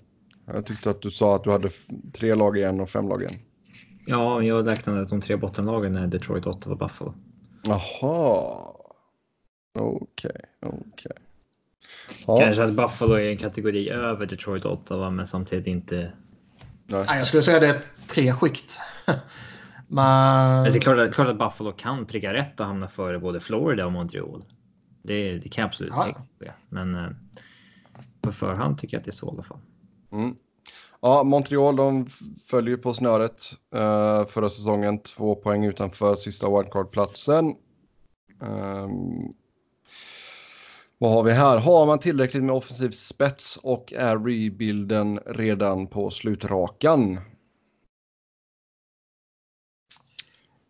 Ja, eh, alltså, allting hänger ju på vilken Carol Price man får. Ja, det är ju tråkigt att behöva säga det, men ja, så är det väl. Ja, men så är det ju. Alltså, visst, man kan alltid prata om målvaktens betydelse i alla lag, men just i, i det här man fallet är det ju ännu mer så. Ja. Och uh, han har ju lite mot slutet här varit Kass. lite skakig. Ja. Och uh, det kan man inte ha när han precis går in på sitt monsterkontrakt. Han går in på andra året nu liksom. Mm, 10,5 miljoner capita. Ja, och han är 32 bast. Han har en skadehistorik bakom sig. Eh, alla varningsklockor ska ju ringa. Däremot är han ju fortfarande inte så pass gammal så att eh, han inte kan ha några bra år framför sig. Det kan han givetvis ha. Mm. Men ska man försöka ta bort lite av alltså just eh, arbetsmängden för honom? Du är ändå 66 matcher i fjol. Betalar man en målvakt 10,5 så då ska han stå 80. Nej, men sen har de ju ett läge också liksom för att eh, om de ska kunna nå slutspel så behöver de ju att Carey Price bär dem till slutspel. Mm. Och han kommer inte bära att de kan vila honom direkt. Han behöver ju spela de här 65-70 matcherna. Det är jag helt övertygad om för att de ska kunna hota med en slutspelsplats. Och om han är så pass bra som hans lönecheck indikerar på att han borde vara så tror jag absolut att Montreal skulle kunna vara ett slutspelslag. Uh, om, om det funkar med lite utespelare och sådär också givetvis. Mm. För de har ett rätt hyggligt lag ändå. Liksom. Och de här unga spelarna har ju ändå, eller unga, yngre, har ju ändå gjort det uh, dugligt. Med mm. Duran och Domi och, och sådär liksom. Ja, Domi fick ju rejäl utväxling efter uh, klubbytet där, det kan man ju lugnt säga. Mm. Men eh, ja, offensiven, är det, finns det tillräckligt den där ändå? Finns det liksom vara i spetsen? Alltså man undrar ju, har Max Domi etablerat sig på den här nivån där han ligger strax under point per game så... Ja. Han fick en enorm utveckling i fjol som man inte räknade med. Ja, men uh, det kanske också bara var något tillfälligt att han, han tar ett steg tillbaka. Ja, en del av mig. Alltså. Jag tycker ju Tatar och de är, det är bra spelare, men en del av mig tycker också att sådär att. Det där kanske inte spelare som leder ditt lag. Nej, de ska inte kunna leda ditt lag. Nej, alltså det uh... kanske är lite för dåligt för att. Nu är ju Tatar bra och så vidare, men i en perfekt värld kanske han leder din andra line liksom. Och, ja, det känns som att all, all, alla de som de har som ledande spelare i forwardsbesättningen. Pikade i fjol på något sätt. Så det är svårt att förvänta sig mer. Ja, men dels känns det framför allt som kanske att alla är egentligen så att de ska stå bakom någon annan. De saknar de här två, jag vet inte, två eh, franchise-spelarna ovanför. Ja, ja. Det... I, alla fall, I alla fall en sån där eh, offensiv mm. stjärna. Liksom. För Gallagher, han är duktig och, och liksom Duran är duktig och Tatar är duktig och Domi är duktig. Men... Duran är väl den som det borde finnas en nivå till i. Ja. Eh, I alla fall, ja man kan väl säga så något år till. Men landar det på 40-50 poäng igen då är det kanske det som är hans nivå från och med mm. nu. Men du har ju Gallagher nu på två raka säsonger med över 30 baljor. Mm. Så, så, jag menar, där kan vi väl ändå säga att han kommer väl inte. Han kommer väl hamna någonstans runt där mellan 25 och 33. Ja, det borde han göra. Sen är det ju liksom alltså. De har ju några bra prospects på gång också, Montreal. Ryan Poling, nu kommer ju inte han snitta tre mål per match som han gjorde förra säsongen. Eh, när han spelade i en match. Men alltså han kommer bli en bra spelare. Kotkaniemi kommer givetvis bli en jätteduktig spelare tror jag. Mm. Hur stort kliv tror du han kan ta i sin produktion ett året? 34 poäng alla de första. Man blir inte förvånad om han ligger kvar på något samma. Nej, jag tycker inte det finns någon sån här krav på att han måste ta något desperat kliv nu. Det tycker jag inte. Mm. Uh... Suzuki? Ja, nej, han kommer han är också där tillsammans med polling då, liksom Cole Caulfield så, så småningom. Eh, så de har ju några intressanta prospects helt klart och ytterligare något namn sådär. Men ehm, ja, det känns fortfarande som att den där offensiva stjärnan saknas. Och finns den potentialen i deras prospects? Kanske inte. Nej.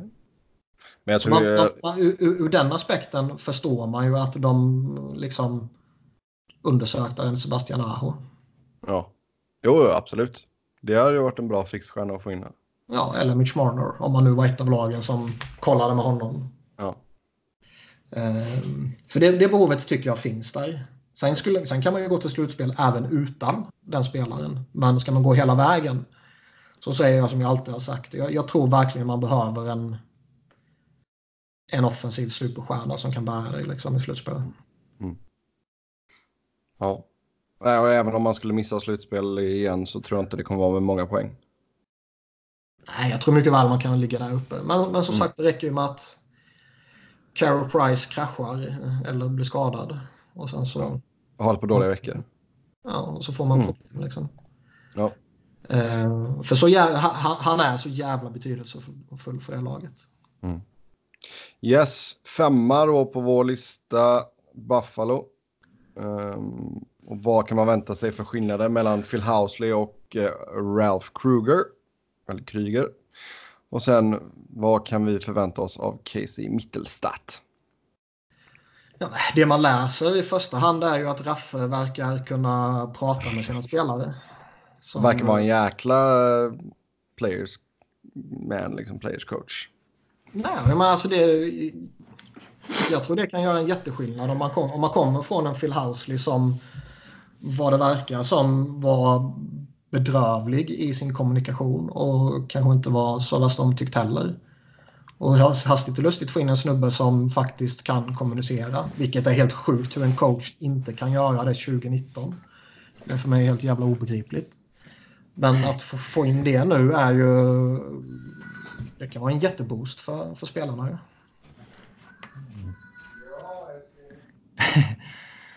ja. Men på något sätt är det alltid svårt att... Alltså Buffalo har varit så dåliga så länge nu att jag kommer liksom aldrig tippa dem bra innan de har... Innan de har varit det? Ja. Det är de som måste för de har liksom gjort så många småsatsningar senaste åren. Där man ändå trott att ja, det där var inte så bra, men de kommer ändå göra det bättre nu.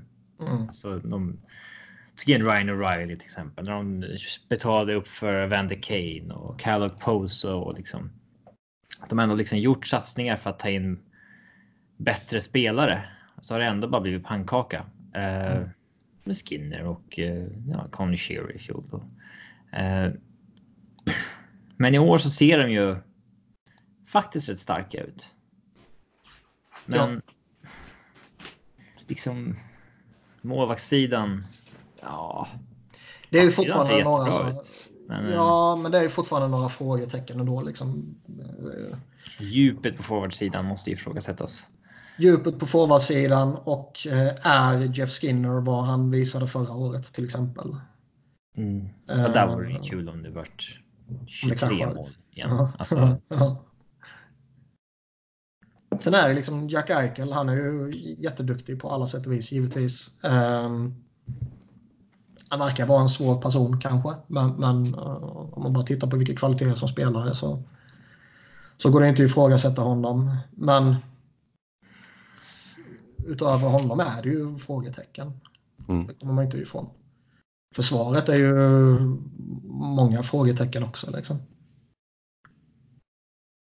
Och målvaktspositionen är frågetecken. Skulle allting funka, ja då kan det absolut vara ett slutspelslag. Men det känns ju inte som att allting kommer funka. Ja. Yes, Och jag, jag, jag, jag kan ju absolut se att... Eh, jag tror väl ändå att om, om, om, allting, om allting går som det borde gå för alla lagen, om man kan säga så, så ser jag ju inte att något lag utöver Florida kan utmana med en wildcard-plats. Buffalo kommer vi göra det typiska, vara 10 poäng från en wildcard-plats. Ja. Mm. Florida hade ju som sagt en ganska stark offseason och de är nummer fyra på listan här. Vem har femma på din lista, Robin? Montreal. Okej, det är bra. Så fyra där har vi Florida och eh, gjorde man tillräckligt över sommaren? Man tog in eh, Bobrovski, det var den stora getten. Du fick in Anton Man Strålman. hade ju i princip räknat in Panarin också, så blev det inte så. Mm. Det, det blir nästan som en förlust då. Eh, Jag tycker fortfarande man har en ganska, ganska bra forwardsida. Förlust ja. blir det väl inte, men det blir väl ett misslyckande. Ja. Mm. Anton Strålman var ju på nedgång, men jag tror ändå att han kommer liksom eh, fylla en stabil roll. Eh, Han kommer vara okej, det kommer han vara. Sen, sen kanske han är lite dyr. Men Mm. eh, Ja. Eh, Forwardsidan finns det väl inga tvivel om att alltså Hubert och Barkov, Hoffman, Trocheck och kommer liksom. De kommer ju fortsätta leverera. Men jag är skeptisk till signingen av Connolly till exempel. Eh, alltså det som förväntas är väl helt enkelt att eh, Bobrovski ska lyfta de 10 poäng. Ja, och det är en gambling. Mm. Det är det med alla målvakter. Men, men eh, skulle, man signat honom för ett år sedan Mm. så skulle man ju varit betydligt mer trygg i honom, tror jag. Japp, trots att man vet att målvakter hoppar upp och ner så där. Men det är alltid Mm. det, det sista man har i minnet så att säga. Mm. Nu var ju senaste säsongen svagare än de två innan. Eh, med starkt slutspel. Ja. Sen är det frågan vad man har bakom där. Ja, så lägger man eh, de där pengarna på en målvakt så skiter man ju i vad man har bakom egentligen. Eh, Men det är som Price, han behöver ju spela sina 70 matcher. Liksom. Ja, för just nu har man Samuel Monteba. Montebie. det känns konstigt att de inte har någon veteran utan att det bara är Ja. unga eh, prospects så att säga. Ja, det blir intressant. Så jag menar, där är man ju... Där får man ju hoppas att han håller- sig hel också. Alltså, han har ju varit frisk de senaste åren, men en skada där hade ju varit riktigt, riktigt seg. Yes, trea, där hittar vi... Vi har ju... Ja, ja. Qu- Quenville kommer ju rimligtvis få betydelse också. Ja, det är klart. Den Så- muschen snackar man inte bort. Ja. Sen måste det ju sägas att Florida har några sjuka prospects på gång också. Mm. Henrik Borgström borde ju ta något kliv kan man tycka. Uh, Owen Tippett kanske kan göra någonting. Vad heter han? Um, Heponiemi ska väl vara på gång. Mm. Så det finns några... Det finns något väldigt spännande på gång i Florida. Um, jag tycker ändå att det någonstans, om de inte går till slutspel, tycker jag det är ett misslyckande. Även om de aldrig spelar slutspel. Nej. Men de investerade så mycket i denna sommaren, både i coach och Bobrovski och lite utfyllnad i, i Strålman och Connolly och så här i, i en redan bra ung core. Så Jo, men det, det kan Ja, jag jag- väl hålla med om att slutspel är ju... Jag tycker Det det ska vara ett, ett krav internt sådär då liksom. Sen, sen eh, utifrån kan man ju kan man ju ta en liten annan approach och, och liksom, det, det är ju med all sannolikhet borde det vara wildcard-plats man slåss om ju. Jo. Och eh, där finns det, det det som kanske talar för Florida där är ju att det rimligtvis kommer kommer vara så jävla tajt i Metropolitan där alla kommer ta poäng från alla tror jag. Mm. Men där Florida kanske kan få ett litet övertag om man dominerar mot de andra lagen i sin division. Mm. Och då menar jag inte mot Tampa och Toronto och Boston utan, utan de andra då. Tror du man kan få in lite fler folk i byggnaden också nu med Bobrovski? Nej, men de säger ju själva att de har, eh, de har märkt av en en högre säsongsbiljettsförsäljning när de, när de först fick eh, coach Q och när de sen eh, gjorde de här värvningarna. Så det Ja. borde man ju klara av tycker man. Ja, nu bra. För där låg man ju ganska lågt ner uh, förra säsongen. Uh, lag 30. Och 31. I snitt, snittattendens på 13 261. Och det motsvarar 78,2 procent av vad deras arena tar in. Så mm, där bör väl Bob och Q hjälpa till. Uh, lag nummer tre, Boston. Robin, vilka hade du som fyra? Eh, fyra har jag Toronto. Oj. Det var ju skoj alltså. Men nu ska vi snacka om lag tre här, Boston. Min trea är Florida. Ja, okej. Mm. Här har vi orkar Bostons gubbar ladda om efter att ha gått till final. Eh, Och hur länge klarar man sig utan att en yngre generation börjar ta över laget? Som sagt, vi... Det har man väl lite börjat göra eller? Alltså, det känns ju som att pusselbitarna finns där väl? Ja, Eh, men alltså, alltså f- ja, det, det är ju McAvoy givetvis och Pasternak. Eh, men om man skulle identifiera några få bärande spelare så är det ju fortfarande veteranerna. Ja, Ja, ja. det är ju Bergeron Marchand som, Ja. som absolut sticker ut. Och där borde man ju ha några goda år kvar. Ja, ja. De ser ju hur bra ut som helst. Men det är ju större frågetecken på Krejci, Backes. Um, att Chara fortfarande kommer vara Chara, det är ju, finns ju inga tvivel om. Nu spelar han ju snordbilligt också. Mm. Frågetecknen ligger snarare i vad som händer med Tory Krug efter säsongen. ja. Eh, man har hittat rätt i med Charlie Coyle känns som en oerhört bra fit för Boston. Man liksom kan behålla honom. Mm. Mm. Jo, det är helt sant. Men det, är- det är ju alltid lite oroväckande när man har eh, en, en äldre core om man, liksom, om man går så långt som de ändå gjorde. Om man har kunnat återhämta sig tillräckligt.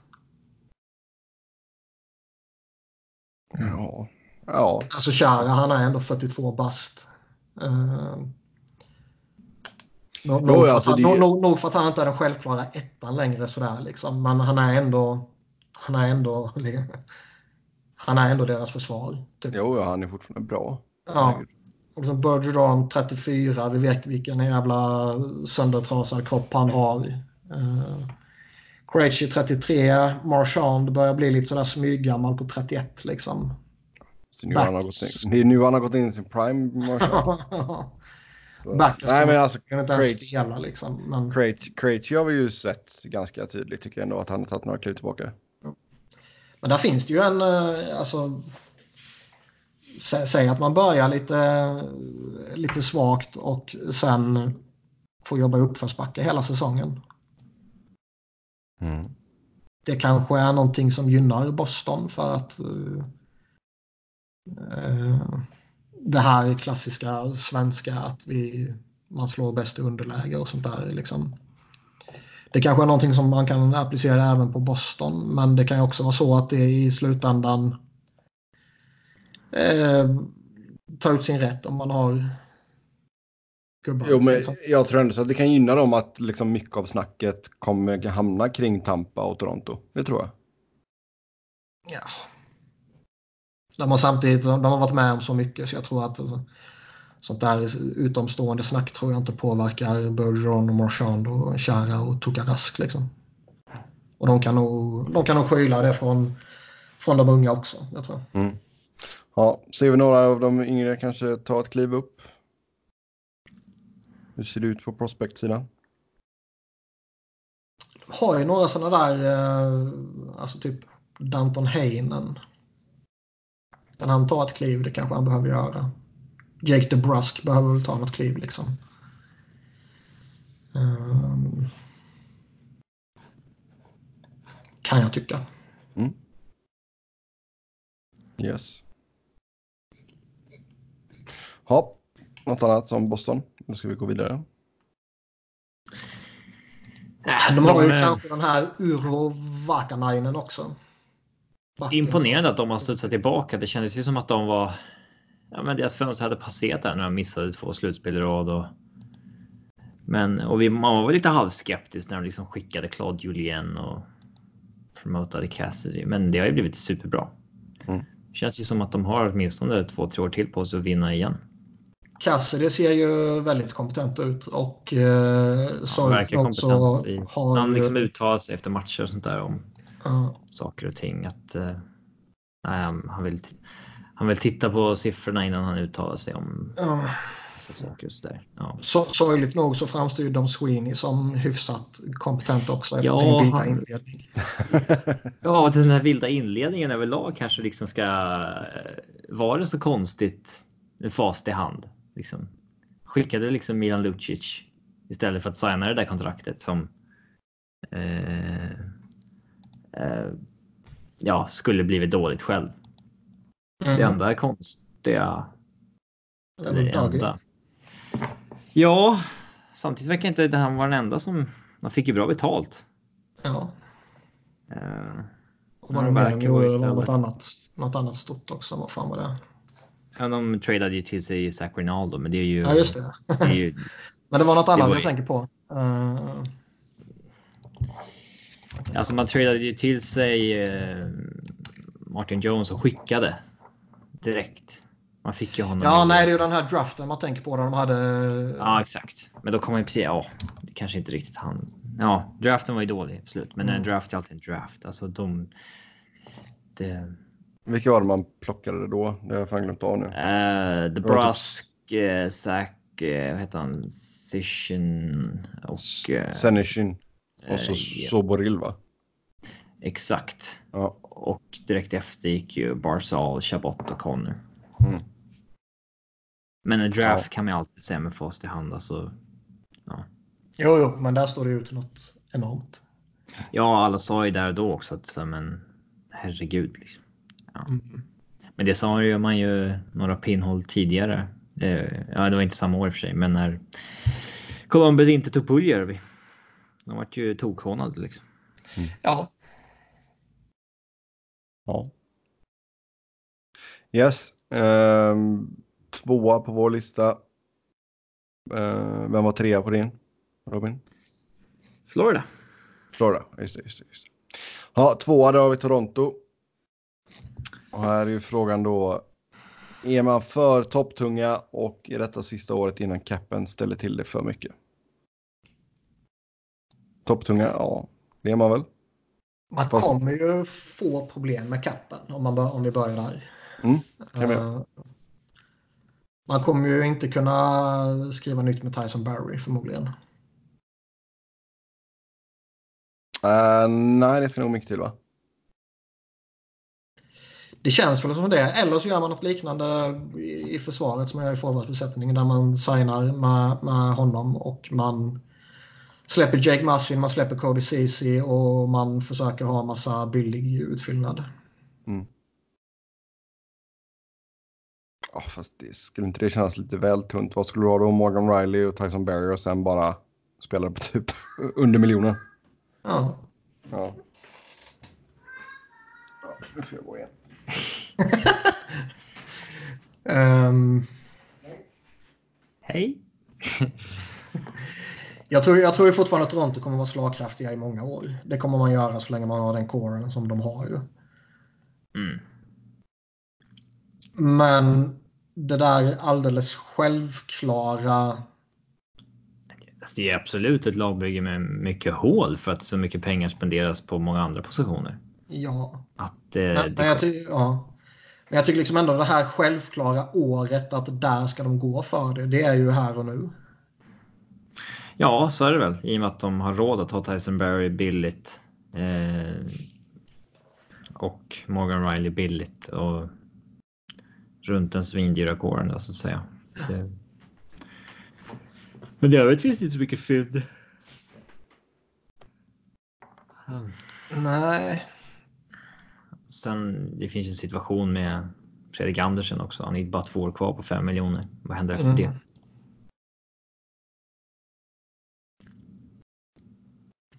Ja, det är ett intressant läge de är i ändå. Uh, och så det här snacket om att Babsan och Dubas kanske inte drar helt jämnt. Det ger ju ytterligare lite krydda till, till allting. Ja, det kommer ju. Kanske. Ja, alltså. Han är väl ändå lite på the hot seat i år. Babsan. Babsan. Ja. Det tror jag. De kan ju inte åka i första rundan igen. Gör de det så är det ju fiasko. Mm. Även, Nej, jag- även om det blir mot Boston. Liksom, som det, det är ingen skam att torska mot Boston i, i, i en enskild matchserie. Sådär. Men eh, man kan inte åka fyra rad i första rundan om man är Toronto och man är tillbaka på den, på den här nivån liksom, och investerat de här pengarna i sina toppspelare. Då, det är totalt oacceptabelt. Eh, nu, nu lämnar jag, så nu hörde inte jag ifall ni snackade om uh, Liljegren och Sandin och deras chanser ifall man skulle... Nej, det är inte. Det är klart skulle vi pratade om det. Vad är det för jävla Okej. fråga? Okej, okej, okej. Ja, det är Bra, då går vi vidare. Um, etta där har vi Tampa. Uh, väl inte jätteförvånande med tanke på vilken fjolårs grundserie de gjorde. Nej, de har ju fortfarande i princip ett komplett lag. Ja. De borde ju. Eh, de borde ju kanske inte ta, landa på samma poäng som i fjol, men eh, de borde absolut ta divisionen utan problem. Ja, de borde ta konferensen utan problem kan jag tycka. Mm. Eh, ja, absolut. Men eh, den här point situationen eh, hänger lite över dem som en blöt filt. Ja. Så är det Och den behöver man ju lösa. Man har eh, strax över 8 miljoner cap space idag. På två målvakter, nio backar och eh, 11 forwards. Sen kommer ju truppen man går in med dag ett på säsongen kommer ju förmodligen inte vara den som ligger på cap friendly nu. Men Nej. eh, snabbt sammanfattat så är det så i alla fall. Och eh, ja, man behöver ju lösa point. Även om det här laget givetvis är tillräckligt bra för att eh, säga att det blir en Nylander situation liksom. Även om Tampa är tillräckligt bra för att vara ett topplag även utan point så eh, den distraktionen är inte bra. Liksom. Och man såg ju på Nylander hur det kan påverka att vara borta så pass länge som han ändå var. Ja, exakt. Eh, Så det behöver ju lösas under kampen här. Ja. Vad har vi spelare underifrån som kan komma, komma upp? För som sagt, man lär ju inte nöja sig med bara 12 forwards även fall point signar. Vad fan har de? Nolan Foot. Känns lite tid kanske. Ja, de har ju defeat. Med Mm. Och de har ju några framträdande spelare i AHL i alla fall. Det kan ju bli någon sån också. Som kanske inte är eh, färsk prospect då så att Nej, säga. exakt. De har ju varit väldigt bra på att få upp spelare från AHL som man inte riktigt tror ska vara något särskilt som har blivit något jättebra. Mm. Janni Gard till exempel. Mm, Gordon. Innan dess Marshall sa, även om det inte är de som fick skörda frukt. Mm. Ja. Eh, ni får snacka om eh, backsidan här.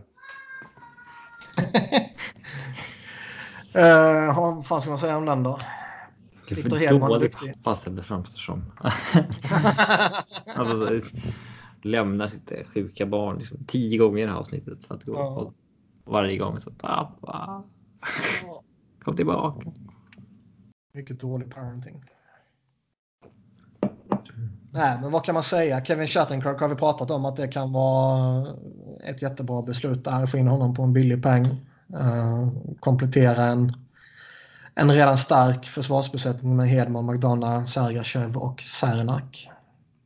Ja, den ser jättestabil ut. Ja, Sett till förutsättningarna. Att ingen back har mer än två mil förutom McDonough och Hedman. Mm. Man, tycker, ju- man tycker också att eh, det här problemet man ibland kan se hos lagen som har några jävligt bra backar så har de liksom en bra fyra och sen är det problem med tredje paret. Det, så länge alla är friska och krya borde inte det vara ett problem här. Mm. Utan här har de ju tillgång till sex bra backar. Japp. Ja, absolut. Eh, Forwardsbesättningen är det ju typ 17 grymma forwards i. Mm. Mm. Ja, Tampa. Alltså det, det, deras problem är ju om det ligger någonting i det här att man inte eh, klarar av slutspelet liksom. Sen, har Mm. de, alltså, sen har de ändå varit i final en gång. De har varit i konferensfinal två gånger här nyligen. Eh, alltså, allt är ju relativt. Det är ju antingen en framgång eller ett misslyckande.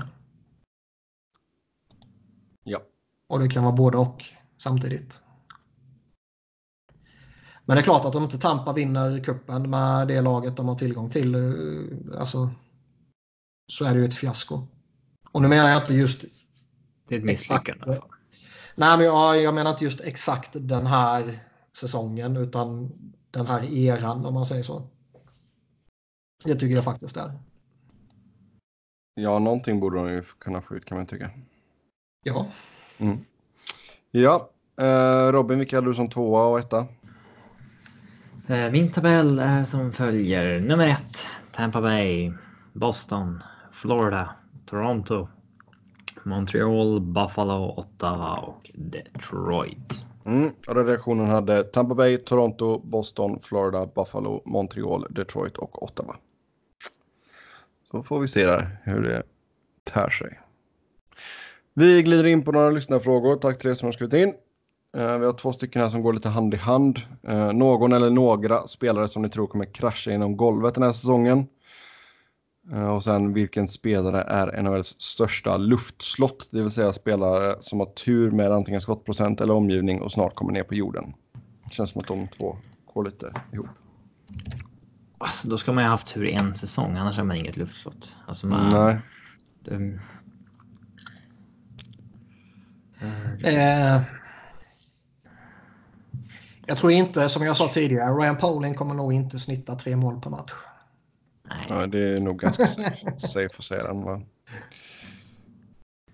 Som, ti- Tittar man på de ordinarie spelarna och point per 60 förra säsongen och så tar man bort de här som gjorde liksom en, två, tre matcher och så här. Så är ju Andrew Shaw ligans näst bästa spelare. Mm. Det, det känns ju sådär. Ja.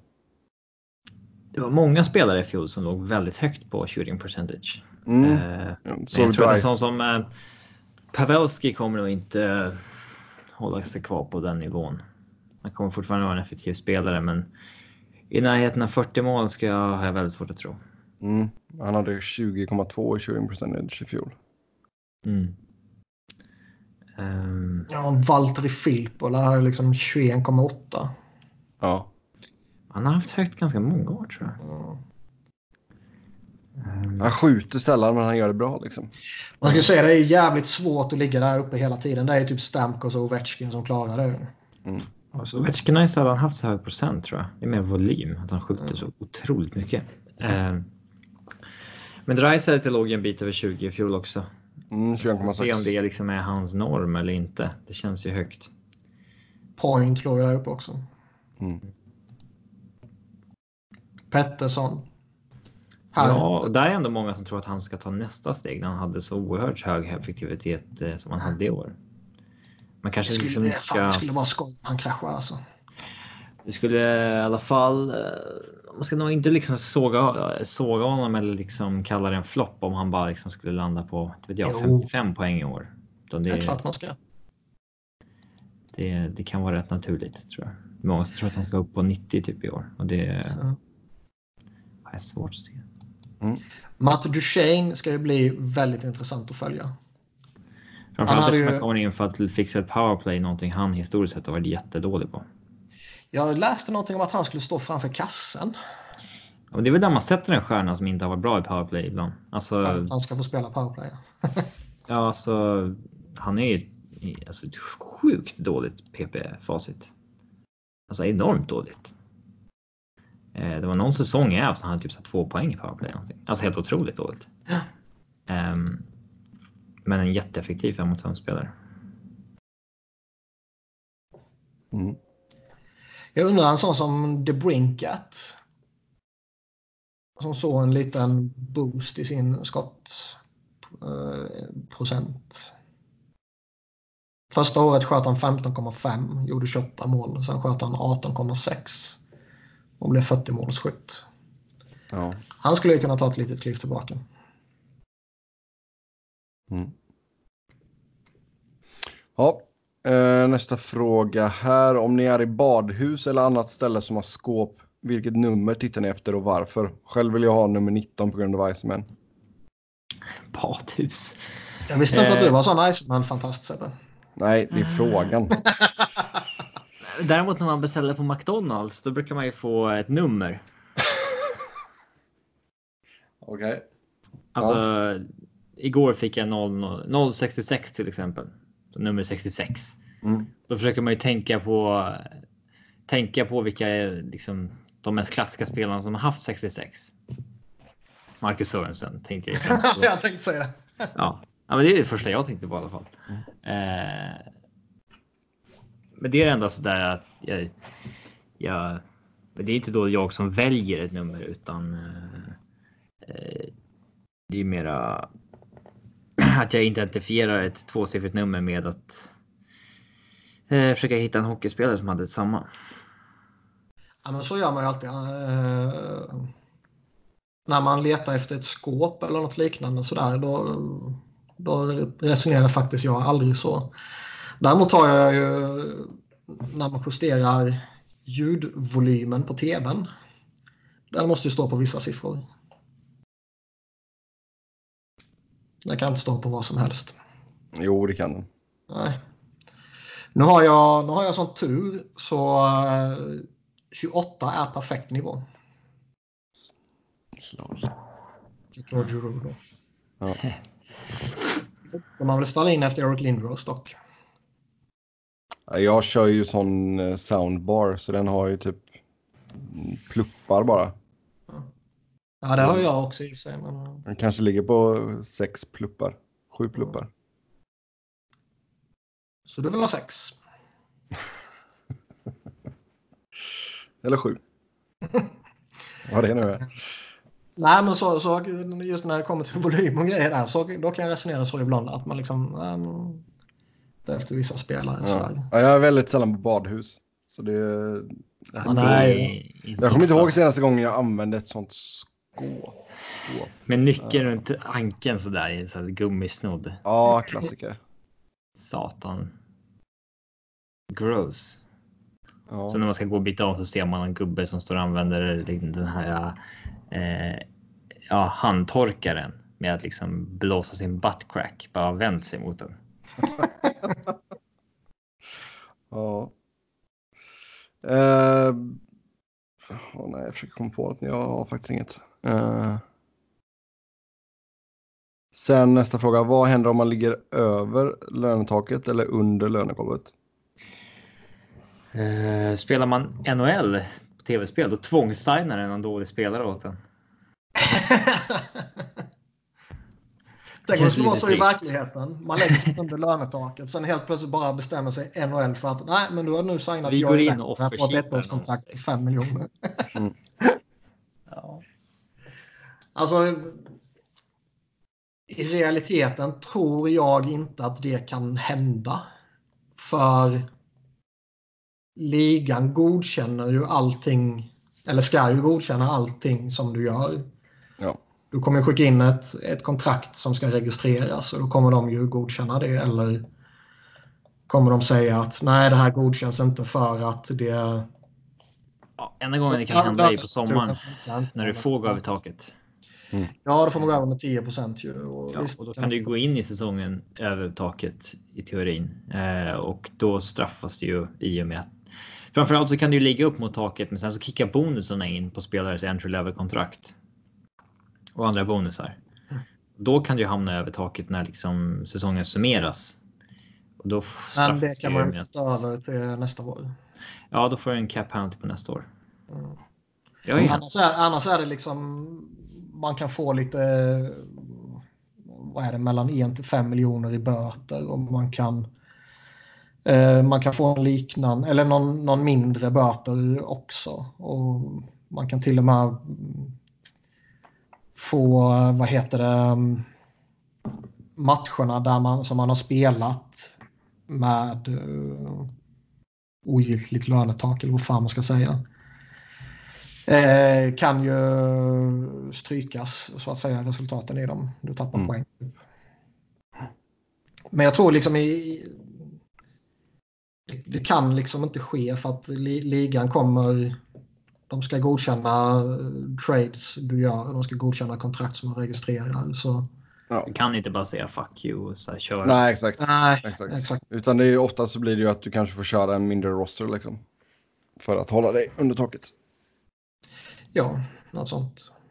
Och jag menar golvet känns det ju som att det Jag vet faktiskt inte vad som händer om liksom Ottawa skulle sitta på tvären och ha 10 miljoner upp till golvet och bara nej, vi tänker inte signa någon. Jag tror, jag tror faktiskt att om, om det går till sådana extrema eh, situationer så tror jag att ligan kan gå in och ta över kontrollen av laget. Och tvångssigna spelare åt dig. Och i princip se till så att du hamnar inom regelbokens uh, ja, regler. Mm. ja. Jag har också varit med om uh, uh ja, när man spelar NHL då, att de inte tvångssignar spelare, men alla kontrakt du sitter på höjs en viss procent tills du kommer upp till golvnivån. ja, det har varit bra för spelarna. Oh ja. Oh ja. Hörni, Mikko Rantanens agent Mike Leot told Sportsnet this morning that his client is going into contract negotiations with the Colorado Avalanche using Mitch Marner as a direct comparative. Ja, 10 miljoner för Mikko. Ja. Känns väl ja, ganska fair. Ja, det är en ganska rimlig comparable, eller comparable för uh, the player camp. Alltså de har ju legat ja. på samma poäng i princip. Eh, Mikko över 82 i rad och Marner 60 och sen 90. Eh, Avs vill ju mer ha vilka nämnde de? Timo Meyer och någon annan som comparable. Eh, eh, ja, och det är väl så det går till. Så landar man väl någonstans mitt emellan. Ja, ja det är bra.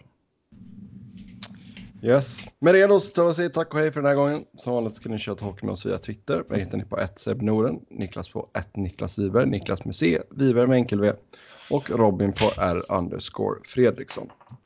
Tills nästa gång, ha det gött, hej! Hej.